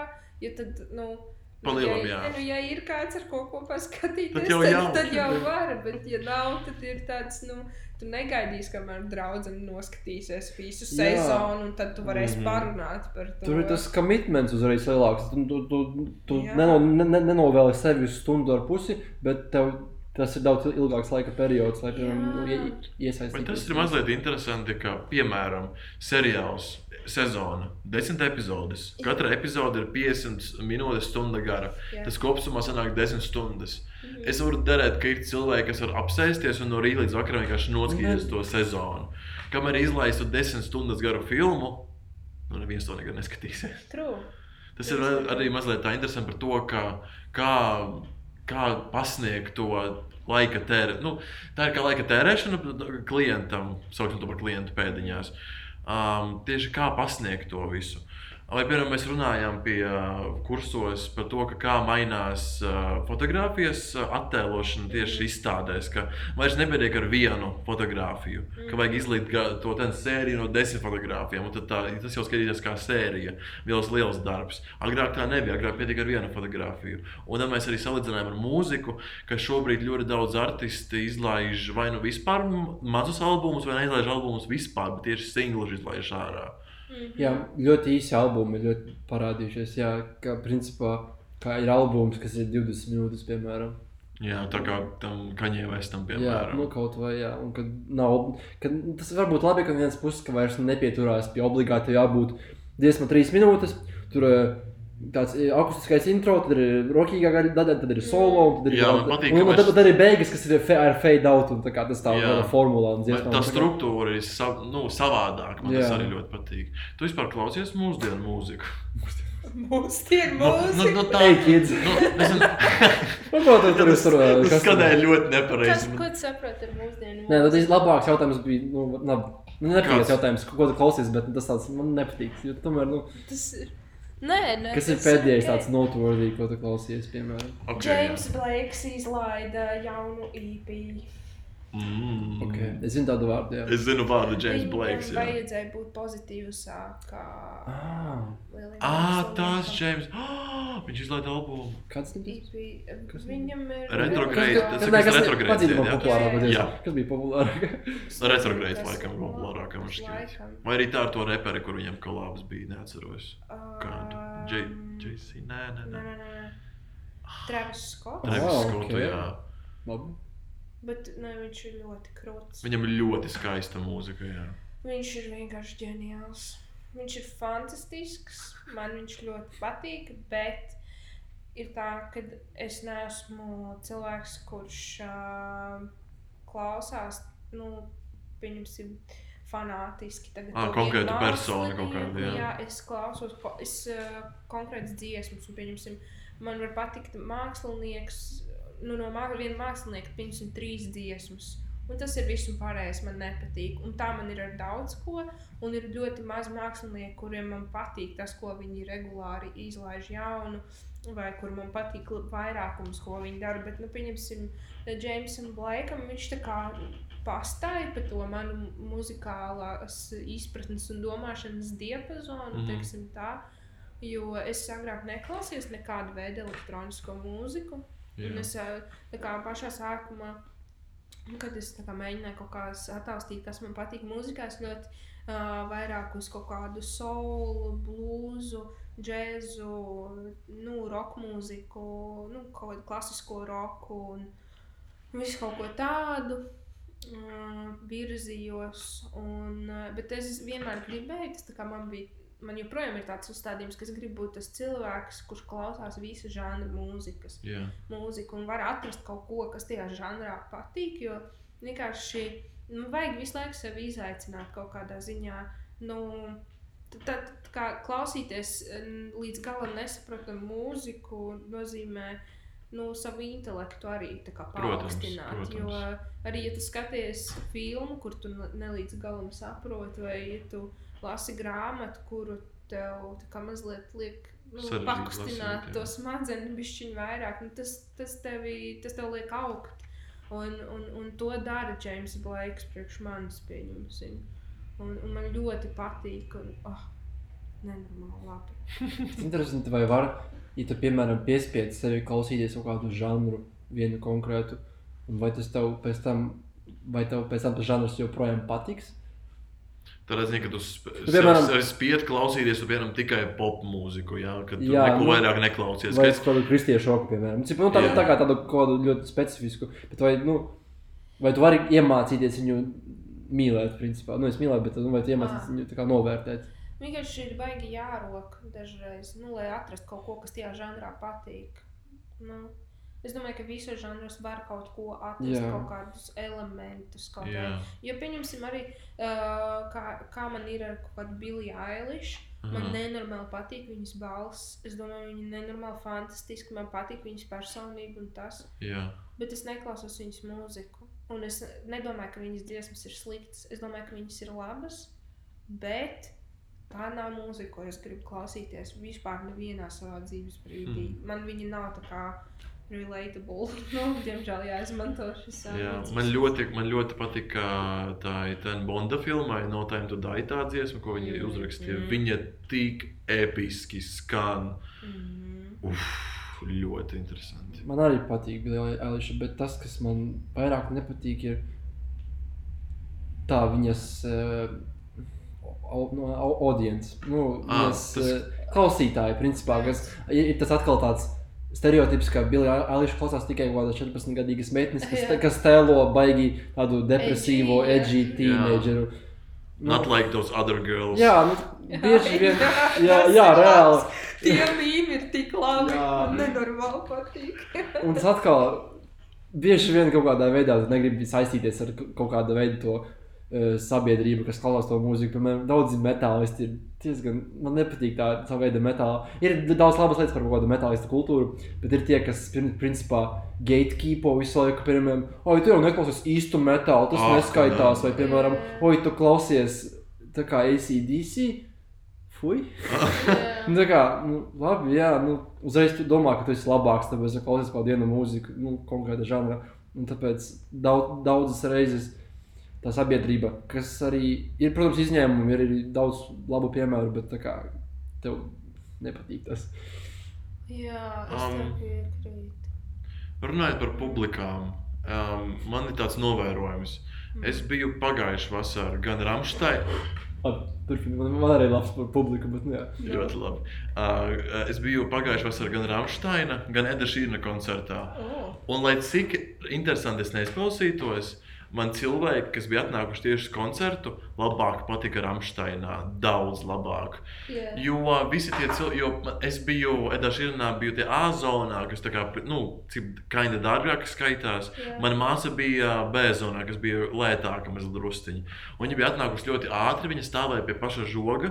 Viņa teica, viņa vienkārši spieda kaut kādā gaļas mašīnā uz to žoga pusi, jo cilvēki nerežēlīgi rāvās. Un, nu, bija vaiprāts kaut kāds. Mm. Man vēl ar to bija normāli, bet arī, piemēram, pūlī cilvēki stāv un visi tur pīpē, dūmi visām pusēm. Tā kā cilvēkiem sejā, lai tu, esi, tu stāv milzīgā barā, kur ir tūkstošiem cilvēku. Varbūt kādam nepatiks, ka tu pīpē, tu varētu arī paciesties pāris stundiņu, divas, nu, izturēsi.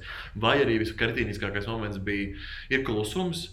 Pats Edžers Šīrens no skatuves pasaka, tā tagad visi aizvarās, es pats iedāšu. Nu, viņš tā Jā. mai, to jauki pasaka, bet, bet viņš bija klusumu, jo tur bija tāds liriskais gabals. Un viens kaut kāds no bara tāds, Edžers Šīrens, kaut ko ieklēdus. Man tāds, tu vari lūdzu tā kā neatrasties šeit. Nu, nu vienkārši nu, tāds kretīnisms. Bet atkal tajā pašā Rāmsteina koncertā.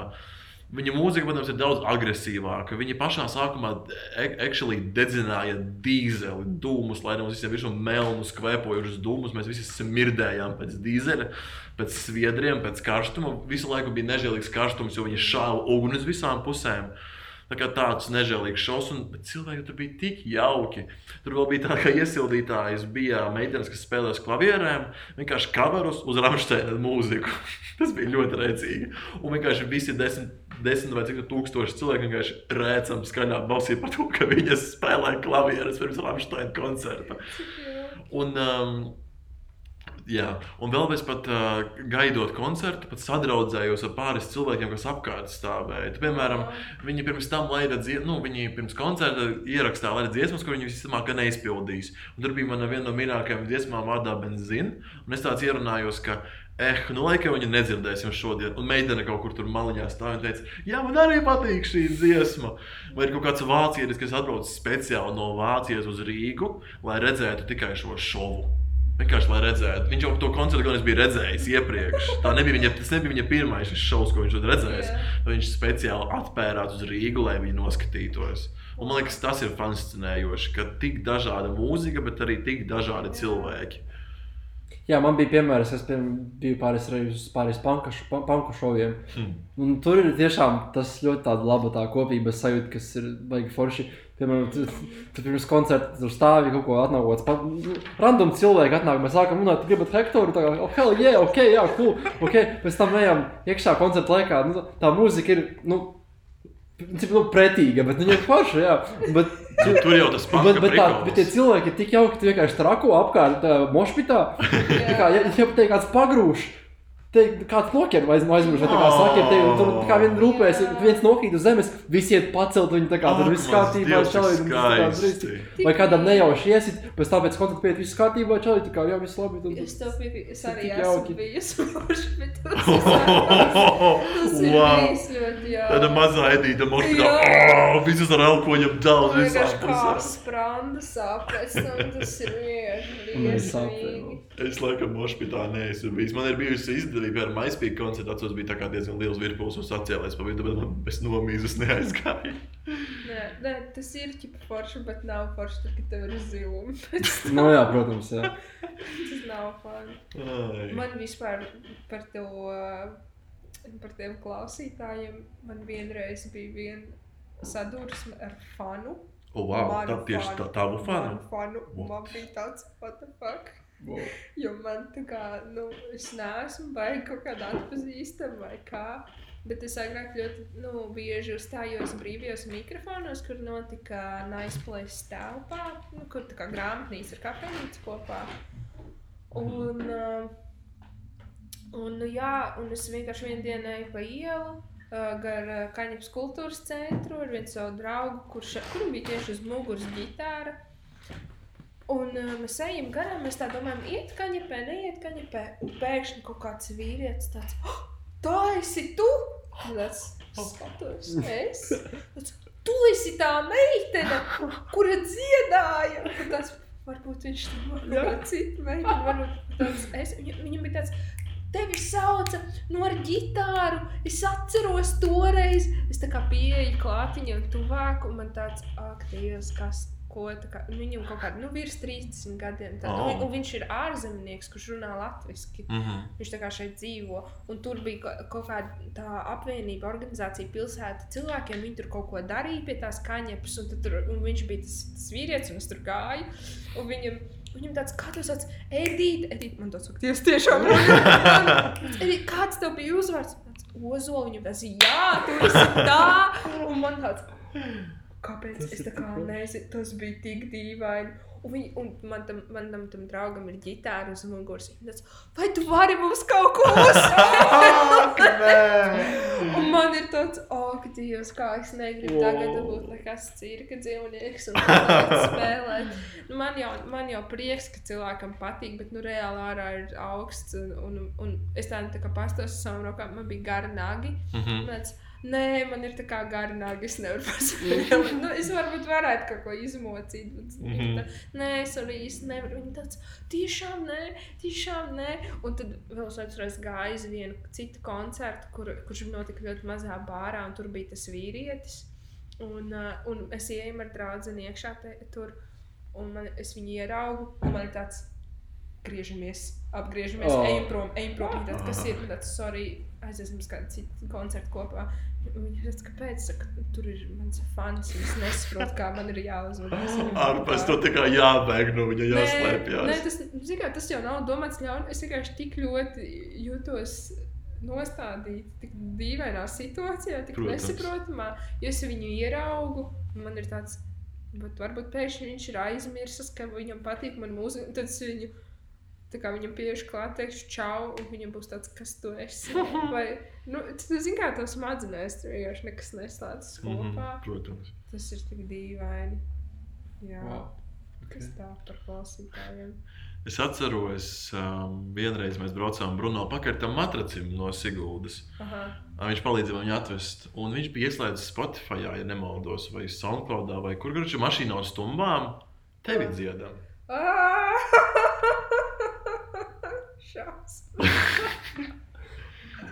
Ka- Es, ko, ko, ko es izdarīju nepareizi? Nē, viss labi. Cik tu esi ierakstījusi dziesmas, tā internetā izliktas? Vai tu nezini to konkrēto skaitu? Ah, nē, man tā kā ir. Pagājušā vasarā paveicās, un es ierakstīju studijā vienu dziesmu. Mm, Tu vari droši noreklamēt sevi. Jā, nu var man meklēt YouTube, un SoundCloud, un Facebook, un Instagram, kā Edita Ozola. Un uh, tur atradīs manu muzonu, kas uzliks grūzonu visdrīzāk nekā noņems, jo parasti diezgan de, nu, ne depresīvi, bet nu tā. Tu liec or oriģināli dziesmas, jā? Jā, nu, man ir tā kā viena, man ir viens uh, covers ieli, ielikts, kuru, nu, es tā kā covers baigi netaisu tagad pēdējā laikā, pēc uztaisīju The Smiths, uh, Heaven Knows I'm Miserable Now.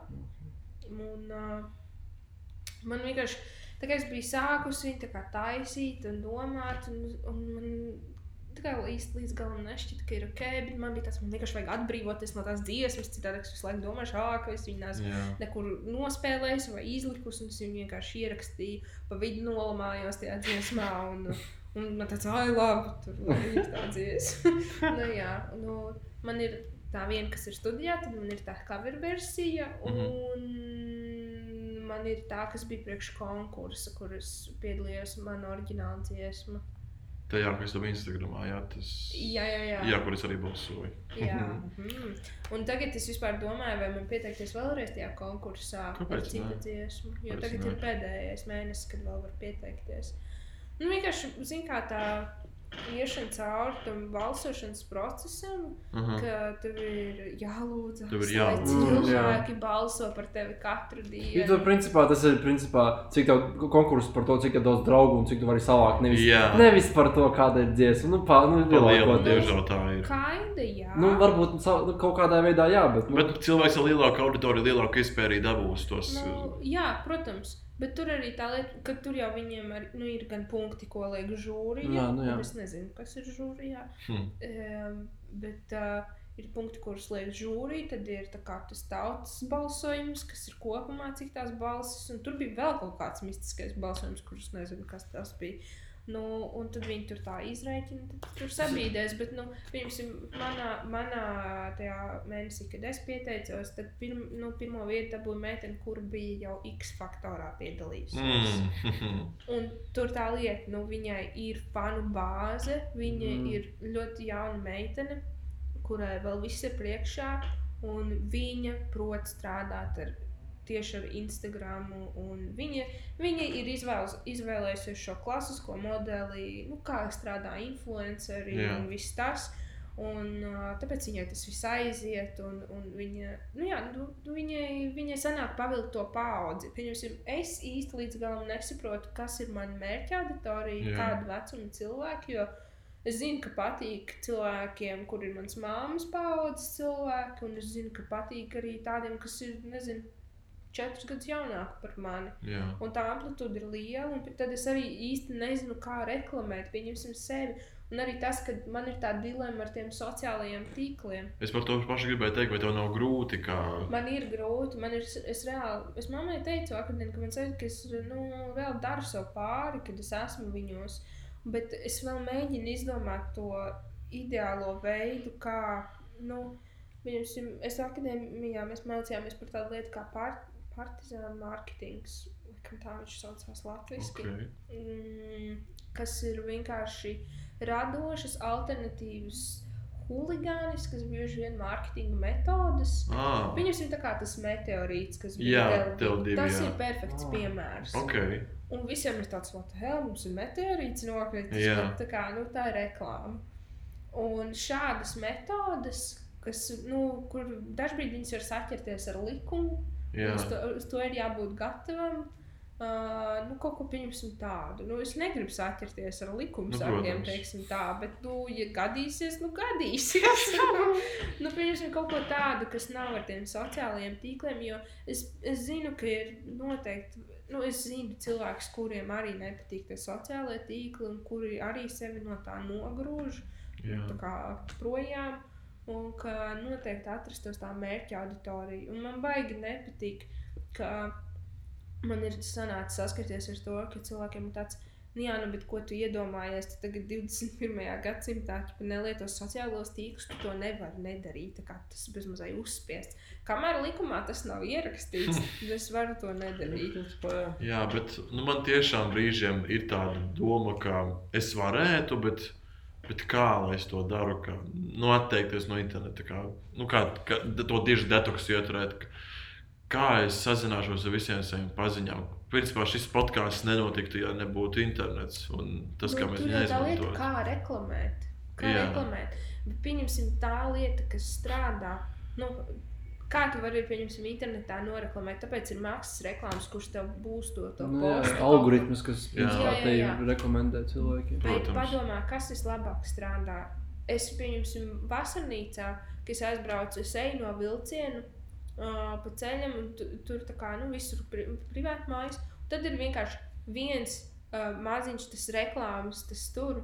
Tā kā Stendiņš, jā. si- stendiņš, tāds maziņš kvadrātiņš, kur ir piesprāstīts. Es vienmēr pieeju viņam klāt. Ah, Jo tā ir vienīgā Jā. vieta, tur visur apkārt, kur ir kaut kāda informācija. tā tiešām Es ir. jā. pieeju klāt, un man tāds, ah, re, kur var, nezinu, kaut kādu granti nopirkt, re, kur izved, nezinu, kaut kādas miskastes, vēl visu kaut Jā, ko. paņem, piemēram, kaut kādu A3 lapu sarkanu, pielīmē viņu Tokijā pie sienas un pielīmē viņu, un pielīmē viņu pie koka mežā. Jā, Tu uzreiz, manīsi, tu uzreiz pamanīsi, cik ļoti viņa kontrastē uz fonu, un viņš viņu ievēros. tur jau tā lieta. Tā arī dizains darbojās. Tu ieraksti albumu, Jā. viņi ieliec kaut kādā failos vai kaut kur, piemēram, SoundCloudā.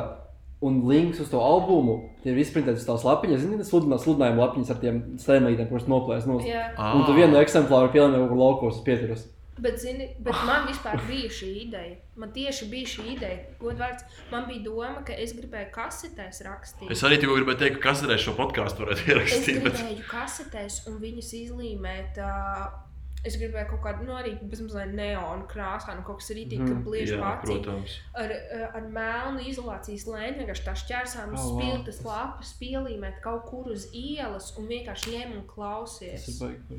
Un, uh, un man tā kā ir vēl idejas par šo, tāpēc es saku, es tā kā vēl mēģinu slīpēt to visu, un arī tam vajag bišķiņu resursus. Protams. Tur ir jābūt gatavam, ka tu pazaudē to naudu. Nu, Tur ir jā. jābūt gatavam, ka Jā. tas tiks, eh, nezinu, saplēsts, eh, Iznīcināts, agresīvi, nu, vienkārši izmests ārā. Nu, ar to ir jārēķinās. Bet, nu, Tieši man bija tieši tā doma par to, ka nu, tas ir kaut kā, kaut kā vēl kaut kas pietrūks, lai es tam nebūtu gatava.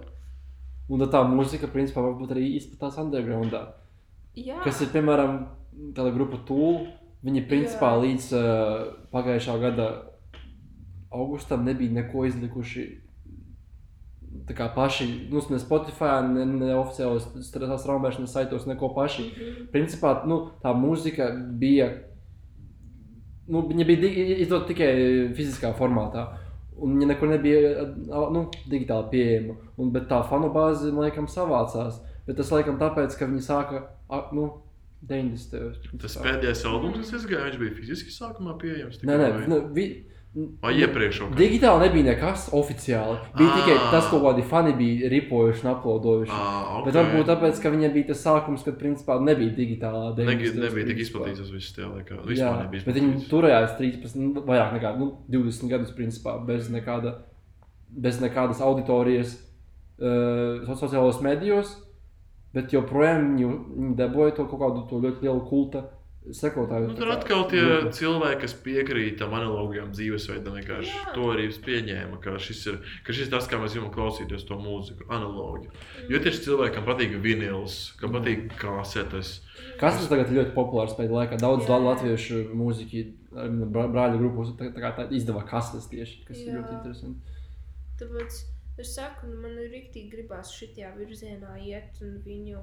Jo tas uzreiz ir piedzīvojums. Tas nav tā, ah, man tagad ir jāsāk studēt eh, internetu mārketings kaut kāds. Jā. Un, Mhm. un nav tāds, bleh, tā kā uzreiz viņu kaut kādas citas smadzeņu daļas, un tas ir tā kā.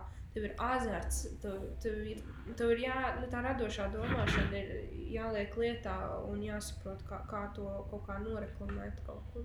Bet tev ir vēl no kaut ko ierakstīt, kaut ko pašai rakstīt.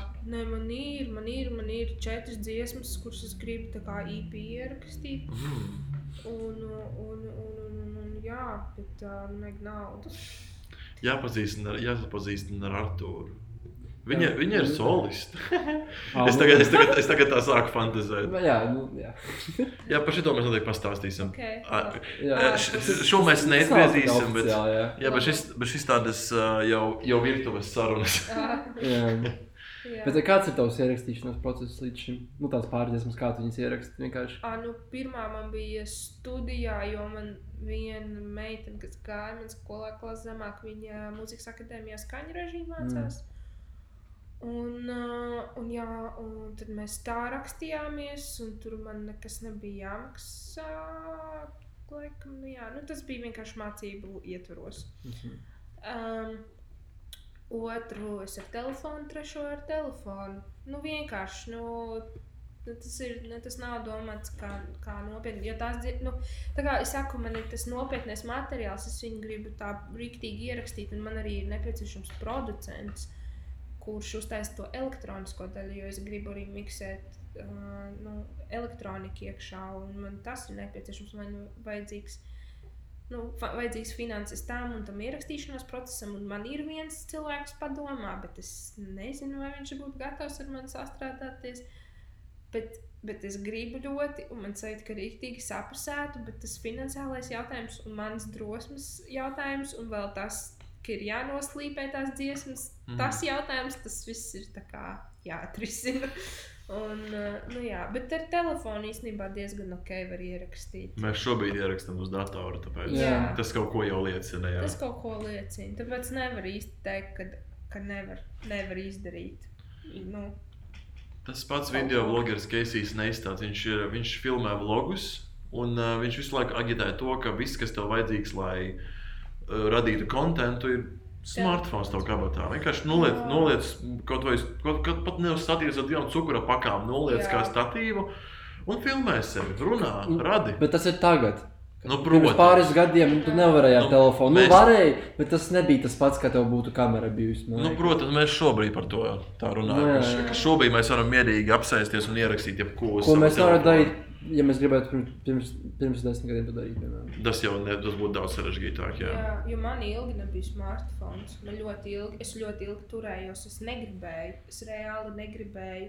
Tāpēc, ka es redzēju, ko tas nodara cilvēkam. Tu jau no bērnības tāds detoksēts, rīktīgi esi no visas šī attālināts. Es nezinu, nu, es tā kā ļoti ar tehnoloģijām toreiz biju stūma, vienkārši nebija interneta. Es taisīju Windows Movie Makerī filmas reāli un video Wow. un tēloju visu kaut ko un tad montēju. Un tā, tā bija mana izklaide. Super. Un, un tā kā, un vēl man, nu, es iemācījos Photoshop un Corelu no mammas, tāpēc, ka viņa ar datoru grafiku nodarbojās. Jā. Un, uh, nu, es diezgan ok ar tām tehnoloģijām, man tur viss sapasēja, bet internets man šķiet, man tikai 6. klasē parādījās, vai pat vēl nu, tāds sakarīgs, kurš iet kaut cik. Hmm. nu, un, un, nu, jā, un man bija podziņa telefons līdz pat uh, pirmajam kursam akadēmijā. Un, Wow. Jā, jā, jā, es ļoti turējos, un es redzēju, kā es krītu ārā, ka es vienkārši nevaru tikt. un Man vajag kaut kādu to smartphone, tāpēc, lai man būtu WhatsApp, kur tur nosūta ziņas, ja pēkšņi nenotiek Mm. lekcija, nevis es idiotu atnāku. Jā. Un, uh, un pieņemsim, tikmēr, kamēr es esmu izgājis no mājas, paskatījusies akadēmijas mājaslapā, vai ir izmaiņas. Tā kā nekas vēl nav noticis, kamēr es nonāku akadēmijā, Jā, jau jā, izmaiņas. ir un Es tā kā neko nezinu par to. Un tad man māsa savu saplēsto Justify iedeva.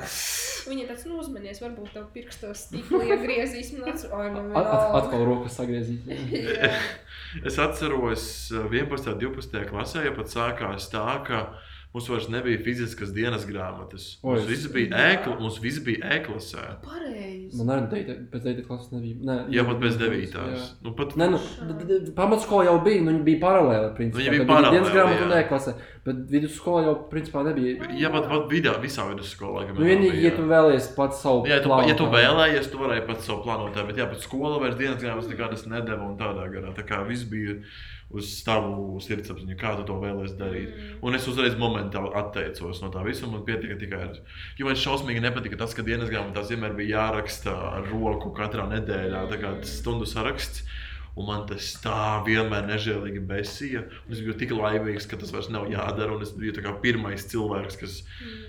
Nē, nedēļas grāmatā. Man pat vienā kaut kādā mērā tas patika, jo tu kaut kādā brīdī atpūties no, no, mā, no mājas darba pildīšanas. Tāds, ok, es desmit minūtes aizpildīšu dienas grāmatu. vienkārši Tā, tāds tā mierīgi, tā mierīgi. Jā. Tā detoks, principā, vienkārši paņem. Man ir smuki uzraksts. Jā. Es pēdējā laikā sāku daudz rakstīt skolā. Man jebkāda, jebkāda vēlme rakstīt tā kā bija pilnībā degradējusies līdz tam līmenim, ka man to vispār negribējās. Jo... Roku. Jā, man nepatika. Jo man, vis, nu, man visu laiku ir neglīts rokas, arī tagad viņš ir neglīts. Bet tad vienkārši tas kvantums un tā, tā piespiestība, ka tev ir jāraksta. Tas pats, kas ar literatūru, literatūrā lasot, nu, skolā lasīt. Tev spieda lasīt tās grāmatas, tā kā pret tevu varu, piemēram, es nezinu, kaut kāds mērnieku laiki. Es, ne, es negribu teikt, ka tā grāmata ir slikta, bet nu, es nedomāju, ka tā bija tā grāmata, ka mums būtu jālasa skolā. Nu, atkal, tev, tev to grāmatu sabojāja tas, ka tev viņus uzspieda. Uzspieda tieši tā, jā. Ka tā kā tev obligāti ir jālasa. Kas vidusskolā bija nedaudz savādāk, piemēram, ka tev mums jau piedāvāja vairākas grāmatas no kāda konkrēta žanra. Ņemiet, apskatiet, kas jums patīk, izlasiet to. Nevis obligāti jāizlasa tur viena konkrēta grāmata. Jā, Jā. man šķiet, ka būtu labi, ja tiktu piedāvāts autors, ir saraksts ar autoru Jā. darbiem un izvēlies. Pieņemsim, nu, tu tā kā ej konsultējies ar skolotāju, nu, kurš var pastāstīt īsumā, par ko aptuveni ir tas darbs. Jā. Tad tu izvēlējies, kas tev šķiet saistošāks, vai arī tieši par žanriem. Arī, nu, kas tev, nu, tu atrodi kaut ko, kas tev tajā patīk. Un, Jā, un tad pieņemsim visi pēc tam no klases. Uh, katrs, nu, ja kādam sakrīt, tad kopā var diskutēt par vienu un to pašu darbu. Katrs pastāst, un tad tu ieraugi to, to autoru vai to žanru no daudz dažādiem skatu punktiem. un Tas jau ir tas vērtīgais. Nu, vispār man šķiet, ka ai, vidusskolas un tas viss, ka tur varētu visu daudz vairāk mācīt un citādāk mācīt. Man principā ļoti nepatīk tas princips, ka tev skolā ir jāizlasa grāmata, piemēram, nu, jāizlasa grāmata un ir jāapraksta man īsumā sižets, labi, tas tik, nav tik ļoti, bet varoņi.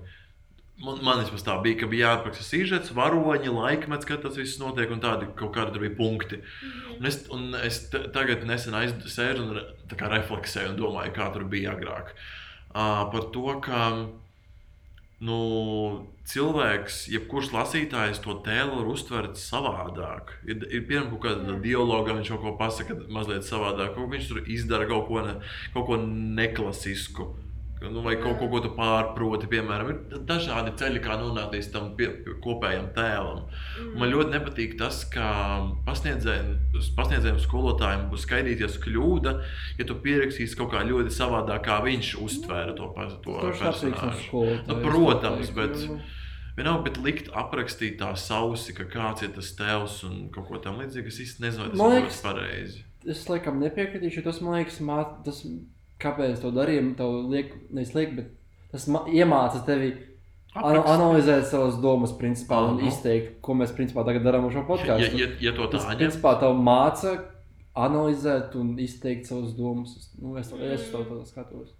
Nu, jā, es arī tā domāju, ka vienkārši to jāprot at, atpazīt kaut kādas lietas. Tas ir tas, ko tas pārbauda. Bet, protams, arī jautājums, ja tev ir cits viedoklis, vai tu viņu vari argumentēt. Nu, tā Nu, tas jā. ir tas būtiskais. Nu, ja tev ir caurumi tavā, tavā argumentācijā, nu, tad nav. ko- Jā, tā kā varbūt arī pareizs viedoklis, bet, ja te mākņi aizstāvēt, tad čels ar nepareizo viedokli, bet viņš skaisti runā. Nu, viņš principā var uzvarēt tajā diskusijā. Jā, bet arī runa par to pedagogu, kas tev pretī Nu, stāv. Vai viņš domā, ka ir pareizā lieta vai nepareizā lieta, un kāds ir tas viņa skatu punkts. jā, mēs visi zinām vienu oratoru no Austrijas. Jā, Jā. Jā, viņš bija vājš puika, bet viņš vienkārši, viņš vienkārši izdarīja caur runu visu to paveicu, ko viņš paveica. Ja tu māki skaisti runāt, tu vari runāt sūdu, bet tev atradīsies uh, sekotāji, tāpēc, ka oi, tu māki ātri un labi izteikt savu viedokli. Jā, jā. Es pat nesen, es pat kādreiz podkāstu sākumā kaut kā ieminējos par to tēmu, bet palaidu viņu garām. Nu, Uh, par to, ka sevis pasniegšana atkal. Es nesen kaut kur lasīju, es lasīju, wow. Izlasīju virsrakstu. No, Man šī tā bija par vienu izstādi mākslas muzejā. Man, man, man, es teicu, māmu, būs kaut kāds skulptūra mežs mākslas muzejā, pa, pastāvīgā ekspozīcija. Viņa saka, kā skulptūra mežs, tas ir kaut kāds koncepts, vai, vai kā tas ir jāsaprot. Es saku, ne, nu vienkārši skulptūras daudz salikt. es jau nezinu, telpā." ko tu uzdot jautājumu. Un, un viņi saka, bet pagaidi, nu kas tur bija rakstīts? Es, es tikai virsrakstu izlasīju un uz bildīti paskatījos. Jā, es lasīju. Jā, nu, tur Par, bija. par to, ka cilvēkam pasniegt sevi, ja? Jā, Ko es aktīvi no, nos, Jā, nos, to Nē, viss kārtībā, es tikšu galā. tīsi. Ā, Labi, es, es saglabāšu šo ideju, pa- pateikšu pēc tam. Nē, Es nu, šo noteikti saglabāšu, jā. Par sevis pasniegšanu tu teici, ka tu podkāstu sākumā jau kaut ko minēji, tad tu gribēji turpināt. Man vienkārši visi vārdi sa, sa, saskarēja putrā šobrīd galvā. Reklāmas pauzē. Tur un tur. Mums nav sponsoru, sorry. Jā, mums nav sponsora. Būtu forši kādreiz kādu sponsor. Kā mēs vispār varētu noreklamēt? Mēs vienkārši runājam tā, Edīt. Um, vai tu esi kādreiz aizdomājies par avio biļešu iegādāšanos? Kompānija MMM ceļojumi piedāvā ļoti labas atlaides. kuldīgu. jo robežas ir slēgtas.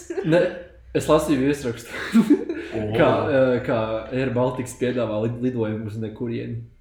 Ah, Ka principā, ja cilvēki, kuri ļoti skumst pēc ceļošanas, var iekāpt lidmašīnā, divas stundas pavadot apkārt, atbraukt atpakaļ lidostā. kaut kur Tas ir ļoti stulbi. Kaut kur Āzijā bija valsts, kur tu varēji arī tāpat nopirkt biļeti, iziet visu to tad kontroli, nu, tā kā Jā. to drošības kontroli, iziet, iekāpt lidmašīnā, sataisīt selfiju uz kaut kādām 20 minūtēm, tur pasēdēt iz, un iziet ārā no lidostas.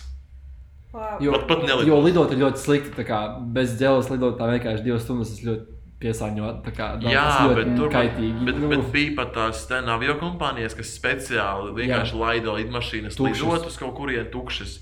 Jo cilvēkus nedrīkst lidināt, bet, piemēram, ir kaut kādas lielas lidostas, kaut kādā tur Ņujorkā vai Londonā, tās lielās, Jā. kur eh, lielajām krūtajām kompānijām gaits ir tuvāk. Galvenai ieeja, tā kā cilvēkam līdz viņai ir mazāk jāiet. Un, protams, ka tās vietas ir daudz dārgākas, ekskluzīvākas. Un um, viņi ir parakstījuši līgumu uz to, ka, piemēram, nedēļā tur stāvēs piecas jūsu lidmašīnas. Un viņiem vienkārši ir speciāli jāizpilda tas uh, GOST standarts, ka mums nedēļā jābūt piecām lidmašīnām, vai arī mēs maksājam sodu, vai arī mūsu līgums vienkārši tiek, tiek lausts, un mums vairs nav tā foršā lokācija, tā vieta, tas gaits. Pat, pat tik dīvaini tas darbojas. Un, jā, tiešām tā kā pa Covid laiku tiešām lidoja daudz lidmašīnu. Vienkārši bezjēga kaut kādus trīs riņķus apmet apkārt uh, lidostai vai aizlidoja uz citu pilsētu blakus vai vēl kaut kā tam līdzīga. Es zinu, ko man ļoti gribās darīt. Es vienreiz mēģināju, bet toreiz nelidoju daudz lidmašīnas. Ir tā viena vieta, kur cilvēki brauc skatīties, kā paceļās lidmašīnas. Ah, Rīgā es zinu, jā. Jā. Ārupē tur. Jā, nu tur, Nu, jā, tur bez piņķiem. Tur, jā. tur man gribās kaut kad aizbraukt, tur paskatīties. Jā, es noteikti paņemtu filmu kameru un ko Nu, pabildētu. vienkārši tas ir kaut kā patīkami. Nu, ja tu nevari lidot, tad tu vismaz vari paskatīties, kā viņas paceļās. Un domāt par to, uz kuriem viņas aizlido. Jā, tā kā sapņot. Šitā varbūt lido uz kaut kādu siltu zemi. Vārds, jā. Mm. Prom uz siltiem. Jā, ienāca uz drūmus, ka arī gribas kaut kur aizbraukt prom. Vispār, tagad es skatos par to logu. Uh, Jā. man ir tāds rīktīgs matriks vibes no tā. Jo viss ir zaļš, jā. tēlus. O, Nenormāli. varētu, nu, tie zaļ, zaļie burtiņi no augšas krist. Jā, jā, jā. Jā. nav izgājis. jā, es gribēju teikt, jā, interesanti. Ah, mūsu uh, pastāvīgā rubrika aprunājot vizuālas lietas podkāstā. Mūsu dzīvē, Jā. jā. Nu, tur uz sienas šodien stāv tas. Ai, Tā, mēs esam uh, lielie aprakstītāji. Bet ko tu gribēji par to identitāti teikt? Jā, es ļoti gribu zināt, Dievs. gribēji teikt. Tas pilnībā tā kā man izlidoja no galvas ārā. Nu, Tik, tik skumji. Man bija tik skaista ideja. Bet es nespēju viņu Nepierakstīju nemaz. Es viņu nepierakstīju. Jā, Oh. būtu man kladīti zem rokām, es nevaru arī kaut ko pierakstīt. Tad palasīt, ka, ko es pats pierakstīšu. Tev- Jūs tikmēr varat aizpildīt šo klusumu. Es gribēju paprasīt par mūziku un lietu. No. Um, es kā cilvēks, kas, nu, teiksim, tā, sauksim to par nodarbošanos ar mūziku, kādā hobija līmenī. Labi, Um, klausos. jā, Bet uh, nu es, es mūzikas teoriju ļoti slikti pārzinu. Nu, ļoti, es, nu, es kaut ko zinu, bet nu, čista ne, ne ļoti nu, tādā līmenī, kurš šeit baigi labi par to runāt. Bet, uh, cik ļoti No tā do kā- no do varēsi noskaitīt. Nu, CDFG. Es ļoti stulbi, kāpēc, jau, kāpēc es saprotu, kāpēc nesākas, kāpēc, ir, nav, kāpēc do nav A, bet ir C. Nu, labi, tas ir cits, jā. Bet eh, cik ļoti tā kā tev ir tā mūzikas teorijas, tie pamati, kas tev ir, vai, nu, zināšanas ir palīdzējušas. Tas saucās solfežo, jā. Jā, nu, jā. Nē, es īstenībā vispirms gribu uzzināt, kādas ir tavas zināšanas. Un tad es varēšu to pateikt. Tu, ne, tu nekaunies manā priekšā absolūti. Nu, tā kā kāds, nu, labi, es varu, es varu nosaukt, kā, varbūt ne uzreiz, bet es varu aprēķināt, ku, ku, kuras notis ir uz, kā basa. Okay. Nu, es tik daudz zinu, es kaut ko zinu, kas ir, nu, tur, cik es no YouTube video, es nezinu. nu, jā, notis varbūt, jā, es zinu, kas ir tā kā tur oktāva vai piektā un trešā. Ā, nu tā un kā i, tie. Secības tās, jā, nu, ka ir tonis, tonis, pustonis, tur, tas tam. Jā, tā. ok, nu tas jau ir normāli. Tu to pats mācījies. Vai tu esi kaut kur gājis? Nē, es neesmu nekur gājis. Vienkārši varbūt tas, ka, ka es piespiedu sevi mācīties, ir sāku, sāku spēlēt ar citiem cilvēkiem.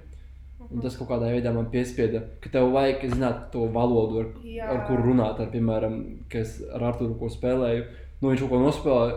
Es saprotu, nu, kas tas ir. Tāds. Viņš pasaka, ka tur A vai, nu, vai tur Jā, go. kaut kādu nu, kā, man kaut kādā veidā jāsaprot, par ko viņš runā. Un apmēram jāvadās. Jo savādāk es nevaru vienkārši pēc auss uzreiz tādu dzirdēt, ah, viņš spēlē to. Nu, Jā, kādā veidā- vajag vizualizēt. Tev jā, jā, jāmāk tas kaut kā sarunāt ar tiem muzikālajiem cilvēkiem, kaut kādā veidā. Nu, jābūt tam kontaktam. Nu, man ir tā, ka nekā. Nē, nē, nē nu, man ir, lī... nē, nu, man ir varbūt mazliet labāk kā tev, bet. Es domāju, noteikti. Bet, jā. Nē, īstenībā nav tik ļoti spoži, kā gribētos. Man tas ir tāds mazais, lielais nekomplekss, bet es ļoti, ļoti, ļoti gribu mācīt un saprast mūzikas teoriju. Tāpēc, ka man ļoti interesē un man ļoti gribās. Un es saprotu mm, intervālus, es saprotu, zinu notis, es varu dziedāt no notīm es dzirdu, es varu dziedāt tā kā, nu, nezinu, otro balsi, jebkurai mm. -hmm. melodijai. Es varu improvizēt ar balsi. Es, uh, bet tas nāk dabīgi. Tā Mhm. improvizēšana ar balsi nāk dabīgi. Un es ļoti daudz noceļu kaut kā ļoti automātiski uh, dažādas vokālās tehnikas visu kaut ko citu no tās mūzikas, kuras es klausos. Jo es, pieņemsim, biju aizgājis pirms kāda laiciņa pie vienas vokālās pedagoģijas. Un es viņai izstāstu visu to savu mūzikas ceļu, un nu, skaidrs, ka man ar to vokālo nu, tur baigi nopietni nekas nav sanācis. Un, nu, viņas, es viņai nodziedēju dziesmu, un viņa saka, un tu to vienkārši iemācies tā kā tā klausoties, man tas no acīm redzot.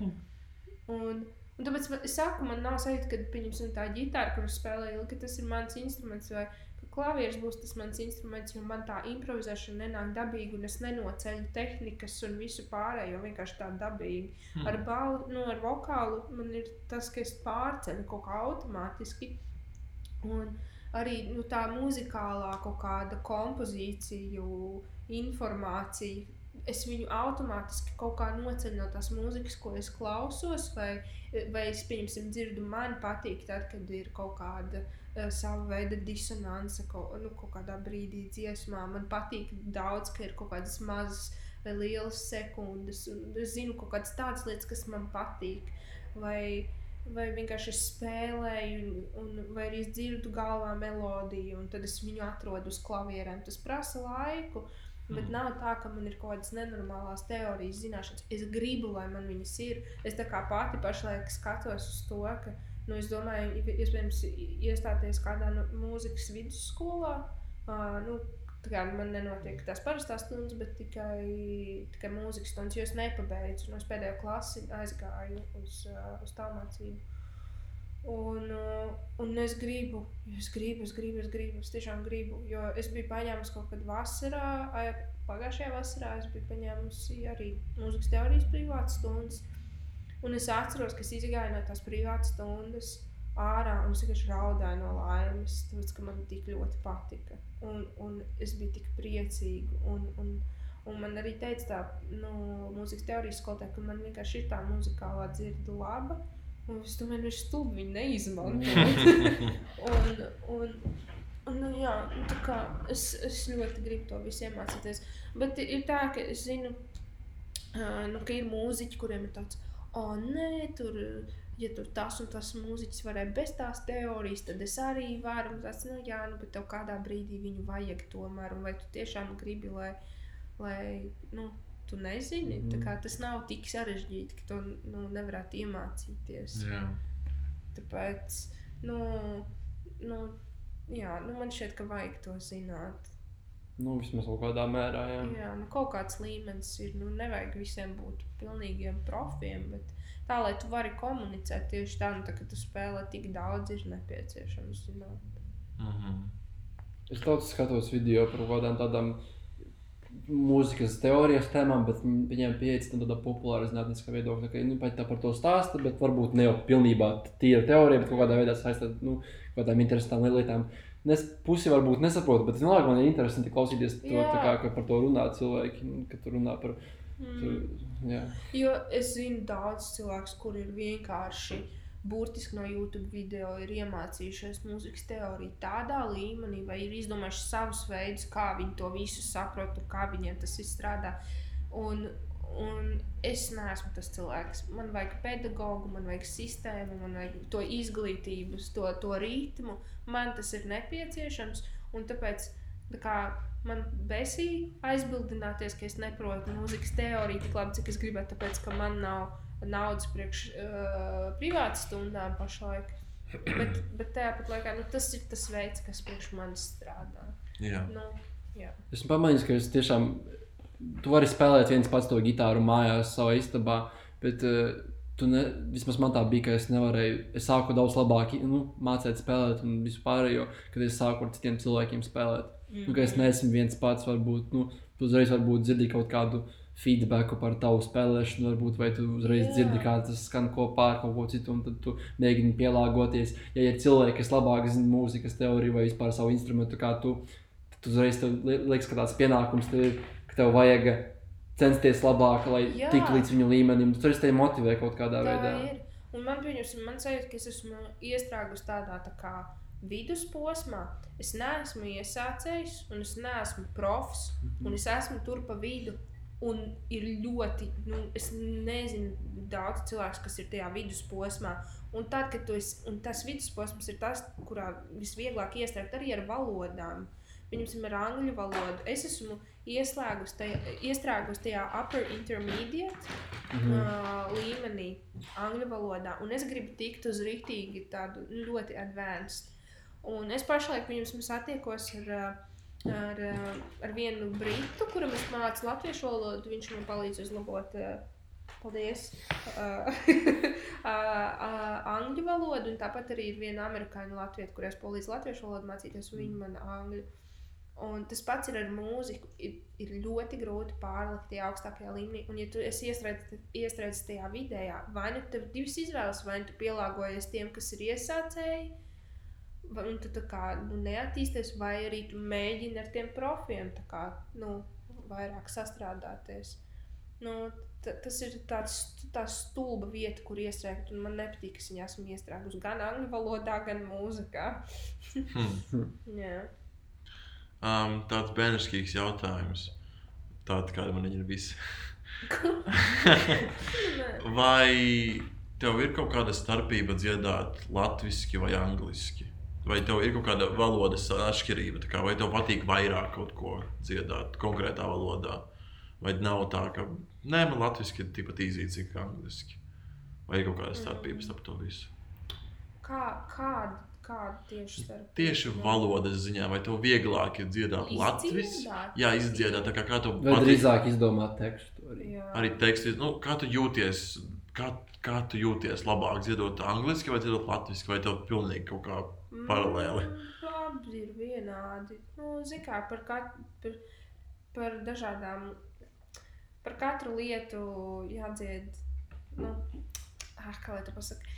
Nu, tā kā pieņemsim, uh, neviens man šeit Latvijā nedziedās dziesmu latviešu ar vārdiem Es tevi mīlu. Jo tas vienkārši skan dīvaini. tā kā jau tādā veidā griežu galvā visas dziesmas, ko es zinu, un tur nav. Es tevi mīlu, tiešā tekstā neviens nepateiks. Es bet... gribu vēl, es gribu vēl mīlēt. Ak, kad nē, Dievs. okay, tā, tā var būt, jā. bet es tevi mīlu, pieņemsim angliski, I love you. Visu laiku kaut kas tāds. Tas visu laiku kaut kas tāds skan. Krieviski ieļaujusi bija arī. Jā. jā. Un latviski tas vienkārši skan jēli, banāli stulbi. Un, un tu esi, tā nav lieta, kur tu teiksi iekšā tekstā latviešu. Tu to pateiksi varbūt tēlā. Jā. Bet angliski var runāt tiešāk. Es pieņemsim, man es saku, nu, es gribētu attīstīt to angļu valodas līmeni, kas varētu rakstīt tādas lirikas, kā rakstīja, pieņemsim, eh, tas ten uh, Jims Morrisons, uh, The Doors, vai, mm. vai arī tas pats um, The Smiths solists, kurš neaizmirst, kā viņš sauc. Uh, Morisīs. man Jā. Morsīs, jā. Nu, pieņemsim, uh, nu, tā tādā līmenī rakstīt kaut kādas lirikas, kas jau arī ir, nu, tā kā bez mazliet dzēja. Un, uh, nu, jā, nu, bet vienkārši angliski var dziedāt par tiešā, tiešāk par kaut kādām lietām, nu, par mīlestību, piemēram. Man angļu principā liekas tiešāka kā tāda. Arī visas tās skaņas, kas apraksta tieši kaut kādus notikumus, piemēram, es nezinu, kaķi, na- nu, duži kaķiņa audēšu, bet, piemēram, uh, klauvēt neskan tā kā knocking. Nu, tas skan, knocking skan kaut kā, nezinu, pareizāk, tas troksnis tiešām ir tāds kā knock, knock, knock, nevis klauvēt. Mm -hmm. Un arī, principā, daudz vārdu tādi, kas tieši skan, kā tas arī ir. Vai kā, piemēram, kā tu pat, pat ieklapojies, pasakot vienu to. mm. Bet tas atkal ir ļoti individuāli. Atkarīgs no cilvēka. Es skatījos to interviju, kas bija 5 LV ar Nikto vokālistu. Jā. Nu, viņi, pa, viņi, viņi dzīvo Rīgā, bet viņi izpildīja diezgan krieviski. Ar Mhm. tā kā dzēju, ko viņš atcerējās krieviski. Viņam uzdeva jautājumu eh, par to, ka vai tu, vai tu kādreiz redzi sevi nu, dziedot dziesmu la- latviski vai angliski. Un viņš vienkārši teica to, ka nu, viņam ir vieglāk izpausties tieši krieviski, vismaz kaut kādā dzējā. Jā. Tieši krieviski, un tāpēc viņš to izvēlējās. Tāpēc es domāju, ka katrs vienkārši atrod to izpausmes veidu, kas viņam ir vieglāks, un vienkārši Mm. pieturās pie tā. Nu, Cits var nepiekrist, citam varbūt ir latviešu vieglāk nekā angliski. Nu, Nu, jā, jo, piemēram, man ir tas, ka es to EP, kurus gribu ierakstīt ar četrām dziesmām, divas ir latviešu, divas ir angliski. Un tas, ko es gribu, es pazīstu divus cilvēkus, kur ir tulki, nu, angļu, latviešu. Un es gribu, Mhm. lai viņi pārtulko tās lirikas. Tāpēc, es gribu, lai, ir, lai tā mūzika uh, ir pieejama uh, arī, nu, angliski runājošiem. Bilingvāli. Nu, jā, bilingvāli.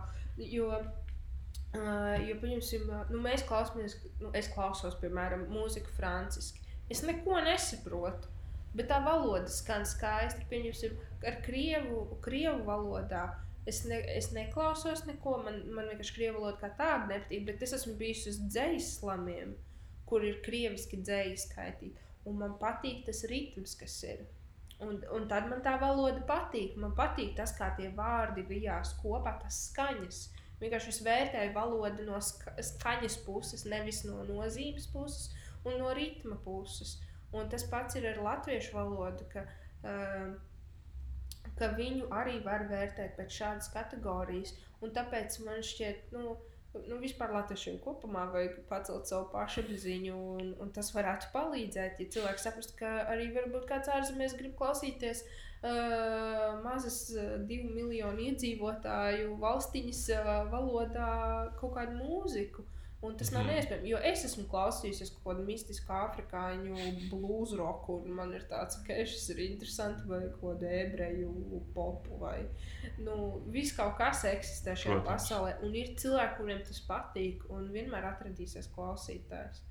Tāpēc nu, par tām valodām man šķiet, ka valoda ir tāpat kā krāsa. Nu, tā kā ir zila krāsa, ir sarkana krāsa. Nu, kur tev der tajā brīdī? Jā, es piekrītu, jo, jo vokāls principā ir, nu, ja tev ir grupa, tad vokāls ir vienkārši vēl viens instruments grupā. Jā, tas ir Un, instruments. principā, va- nu, vienā brīdī varbūt arī nav, nevien, nevienmēr ir svarīgi, ko viņš saka, bet var, tas, var būt, izklausīties labi, un tas vienkārši tev var patikt. Nu, tā kā kaut kādu metālu, kur ir kaut kādi screaming, vo- nu, kur vienkārši kliedz kaut ko. Tas varbūt nesaproti, ko viņš tā kā saka, bet tev varbūt patīk, kā tas skan, un tas ir gal, principā galvenais. Laikam. Tur tā lieta, ka tu vari nodalīt to visu. Jo man arī, pieņems, man ir viena dziesma, kurai, principā, piedziedājums vispār, nu, it doesn't make sense. un, uh, un, tā, un, un tā kā panti ir ļoti loģiski, bet piedziedājums ir tāds, ne? ok. Tāpēc es domāju, tas ir ok. Nu, spēlēt, tas ne visam ir jābūt saprastam. Jā, Un perfe par- un perfektam Jā, arī. tā un kā. ne par visu visiem ir jābūt vienmēr viedoklim. Jā, No, kā mēs runājam, tieši tā kā mums katram ir sava niša. Teiksim tā, es tā domāju. Tie cilvēki ar saviem viedokļiem ir pat. Uh, Dažreiz liekas ļoti interesanti skatīties tiem cilvēkiem, kas uh, ir kaut kāds blogeris vai kaut kāds cits cilvēks, uh, uh, lasa ziņas, nu, vai stāsta ziņas, un viņš izsaka savu viedokli. Un ir mazliet skumji apzināties to, ka tiešām ir cilvēki, kas to viedokli arī sāk uztvert kā savu viedokli. Mhm. Viņš teica, ka tas cilvēks tur tiek kad, kad, kā kaut kāda ļaunā korporācijā mums čipos. Viņš arī tā arī, kā piemērs, Jā. viņš tā arī ies un ticēs, ka jā, bet viņš taču internetā čalīts pateica, ka tā ir. Nu, Čalīts uzlika kameru, kam on, viņš jau izdarīja vairāk Jā, viņš kā es. pacentās, Viņš jā. pacentās to ierakstīt. Tas nozīmē, ka viņam gan jau ir taisnība. un viņš skaisti norunāja. Viņš, jā. viņš atkal skaisti norunāja, jo viņam ir oratora prasmes. Tas uzreiz arī. Man ir bijuši, bijusi šī arī dilemma, varbūt kļūt par influenceri un, un sākt influencēt cilvēkus. Tas varētu būt ļoti interesanti. Man tas vārds, kā influenceris, ietekmētājs, un, un kā man sajūta, ka, nu, nu, ja tas ir tiešām burtiski tā domāts, ka tu esi tas, kurš ietekmē sabiedrību, Un, ja tas, ko tu liec, ir pliks dibens un, uh, nezinu, sejas krēms, kur tu reklamē, tad vai tev nav mazliet jocīgi sevi Edita ir, Edita ir trauma ar dibeniem Instagramā. Ja tev ir- Ja kaut auditorija, tad es domāju, nu, ja tev neinteresē dibens, vienkārši var neskatīties. Tas tā kā principā, dibeni nepastāv, ir cilvēki tiešām neskatītos tos dibenus. burbulis. Protams, vienkārši man šķiet, ne arī cilvēki, kur liek selfijas visu laiku, tā arī ir kaut kāda mistika priekš manis. Jā, man Bet- Instagramā ir laikam piecas manas sejas bildes. Man vienkārši šķiet, ka pasaulē ir daudz interesantākas lietas par mani seju. Noteikti, jā. Nē, nu, tā kā man patīk, ka ir skaisti cilvēki. Man patīk eh, redzēt savus draugus, kurš smuki izskatās mm -hmm. kaut Mhm. kur. Tas ir ļoti forši. Man tāds, jā, go girl. Bet uh, kopumā nu, ir interesantākas lietas par tavu. Tieši, nu, man viņas šķiet interesanti kukaiņi, kur pārojas. Ietves, un tad viņiem ir kaut kāda tur drāma, un tad atnāk kaut kāda skudra, un viņiem ir tāds, kas te notiek. Un tad pa vidu divas skudras aiznes mazu, tur kaut kādu, nezinu, lapiņu kopā, un viņam tāds, wow, what's up, kas te notiek. Un es vienkārši skatos, un tāds, te vienkārši ir tāds sižets, ka es nespēju tam noticēt. Vai vienreiz es skatījos, kā divas sarkanās skudras nesa vienu traumētu skudru. Un man wow. bija tāds, ej, un tad bija vēl viena skudra, kas viņām tā kā izskatījās, ka rāda ceļu. Viņa tāda paiet uz turieni, tad izskatās, ka viņai tāds, Jā. te ir tīrs, ejam. Un man ir tāds, wow! Gudrs vēl sazinās ar, hor ar hormoniem, un viņas ar tām antēņiem tā Tup, tup, tup, tup, tup, Oh sa- my God. samakstās. Var sēdēt mašīnā un brauc līdz lietus ārā un skaties pa logu, kā divas pilītes kā krīt. Un domā, kura būs pirmā, kas nokrīt, kur sacensības tā kā uzreiz jau ir. Vai sajies par vien- labo pilīti, aiziet! Viņas sajies vienā pilītē, ekstra pilītē. apvienosies. Wow! Un teicās divreiz ātrāk, ka būs lielāka pilīte. Un what? Kas notiek? Bet tur ir, tā, bet tur ir tās īstās dzīves skaistums, kas ir. Bet tā tiešām ir. Es, es, esmu, es esmu pamanījis to, ka ir daudzi cilvēki, ar kuriem es kā fotografējot, pastaigājos vienkārši apkārt. Un, piemēram, ejot pa ielas, tāds šis ir neglīts logotips. Nu, pie, kaut kādai ēkai, piemēram, vai kaut kādai veikalam, vai jebkam citam. Un, un tas cilvēks saka, Ah, jā, tiešām. Es nebūtu laikam pamanījis bez tevis. Un ir ļoti daudz tādu sīkumu, ko apkārtēji es pievēršu uzmanību. Un jau tāds, oh, jā, tiešām tur tik skolas skaistas skulptūras, un kādas jūgas stila ēkas vai kaut kas tamlīdzīgs. Un es saprotu to, ka cik, cik laimīgs esmu par to, ka es protu pamanīt tos sīkumus. Palielam, bet tā ir tas, ir tāpēc, ka es vienkārši šo visu fotografijas lietu daru. Jo es vienmēr mēģinu kaut kādā veidā izrafinēt kadru. Mm. Es gribu, es eju pa ielu, kur tā uz šīs ēkas tur skaisti krīt gaisma, tur veidojas kaut kāds ritms no logiem. Mm. Es tādas lietas pamanu, vai, piemēram, nezinu, stāvu pieturā, un visiem cilvēkiem ir tā zilās maskas. Un es skatos, ka, ah, jā, rekur, pilnīgi izveidojas figūra Jā. no tām tā līnija, ka visi tie cilvēki ir tāds bars ar tām zilajām maskām, un tas viens indivīds, kas saprata, ka masku jāvelk vispār otrādāk. Jo um, maskām ir tā, ka viņa darbojas abos virzienos, tās zilās. Aha. Ja, un, uh, bet viņa speciāli viena puse ir balta, otra zila. Jā. Azijā, Āzijā to noteikti visi zina. Ka tu nes zilo pusi uz āru, ja tu esi slims. Cilvēki turēsies pat tevi no ga- pa, gabalu. Bet, ja tu nesā balto pusi uz āru, tad tu esi vesels un viss ir kā safe ar tevi. Tāpēc tās krāsas atšķirās abās pusēs. Nu, šo visvairāk izmanto tieši medicīnā. Tie, kas ir operācijā, operācijas Jā. dara ķirurģi, jo viņiem tā kā ir jāzina, kurš pacients ir, ā, kuram, kuram pacientam ir zilā maska, kuram baltā maska, un arī principā. Es saku, ka naudu maskas. Nu, tas ir tā, vienkārši tās populārās, tās populārās, tās aptiekā pērkamās maskas. Mm. -hmm. Cilvēki vienkārši viņas nemāķi izmantot tā. Nu, māk, bet jā, tāds sīkums, kas. Uh, ko tu? Ah, jā, tas sīkums. Mhm. Es atcerējos uz podkāstu beigām, ko es gribēju teikt par to cilvēku Jā, pasniegšanu. varētu No. Tas ir. tas skanēs tik banāli, bet es kaut kur lasīju, ka svarīgākais ir tas nevis tā, kā tu, ko tu saki, bet kā tu to saki. Jā, pilnīgi noteikti. Tur, tur bija Mēs par tas, to runājām, jā, būtiski. Jā. jā, tur, bija, tur bija tas izteiciens par to, ka, ok, paņemsim situāciju, pirmais randiņš. Kā nav jau, nav jau. Nav jau tik svarīgi par, par, par kādu kosmosu vai par kādām tām ten, uh, literatūras grāmatām runāsi. Tu vari runāt vienkārši nezinu, par multenēm, kas tev patīk, vai, vai apspriest jaunāko Imagine Dragons albumu, kurš izgāja pirms 30 gadiem, un tavai mammai viņš ļoti patika. Bet, jā, un tu vari to par to skaisti runāt. Tu vari par to skaisti stāstīt, jā, un tas ir tas Arī galvenais. darba intervijas perfekts. Oi, piemērs. ļoti, jā, tas ir ļoti svarīgi. Kā tu vari būt uztrauktie- uztraucies, un tev var būt uh, tā kā, nu, maza darba pieredze, un tur viss aiziet dēlī, vai arī tu vari ļoti entuziastiski stāstīt. Jā, Un no stresa būt entuziastisks, un tas tev nostrādās tavā labā, bet nu, visādi var būt. Dievs, pirmie randiņi vienkārši vispār tēma.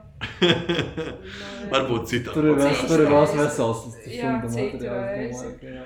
Es pat šo pierakstīšu. Bet uh, es domāju, ka mēs varētu iet uz beigām. Jā. Man vajag to. Bet, uh, jā, jo nu, vismaz es, jū- es jūtu to, ka te masko izgriezt. Te nav ko griezt ārā. Tāpēc Šis nav jāgriež ārā Man noteikti. prieks, jā. Man ir prieks par šo, ka tu noklausījies šo diezgan, Jā. diezgan garo podkāstu. Jā. Mums šobrīd rādās divas stundas. Tāpēc es domāju, ka Man ir liels prieks. pateiksimies. Paldies! Paldies, Paldies tev, kā atnāci! Paldies jums, ka pieņēmāt tādu, kāda es esmu. Oi! Visu labu! Čau!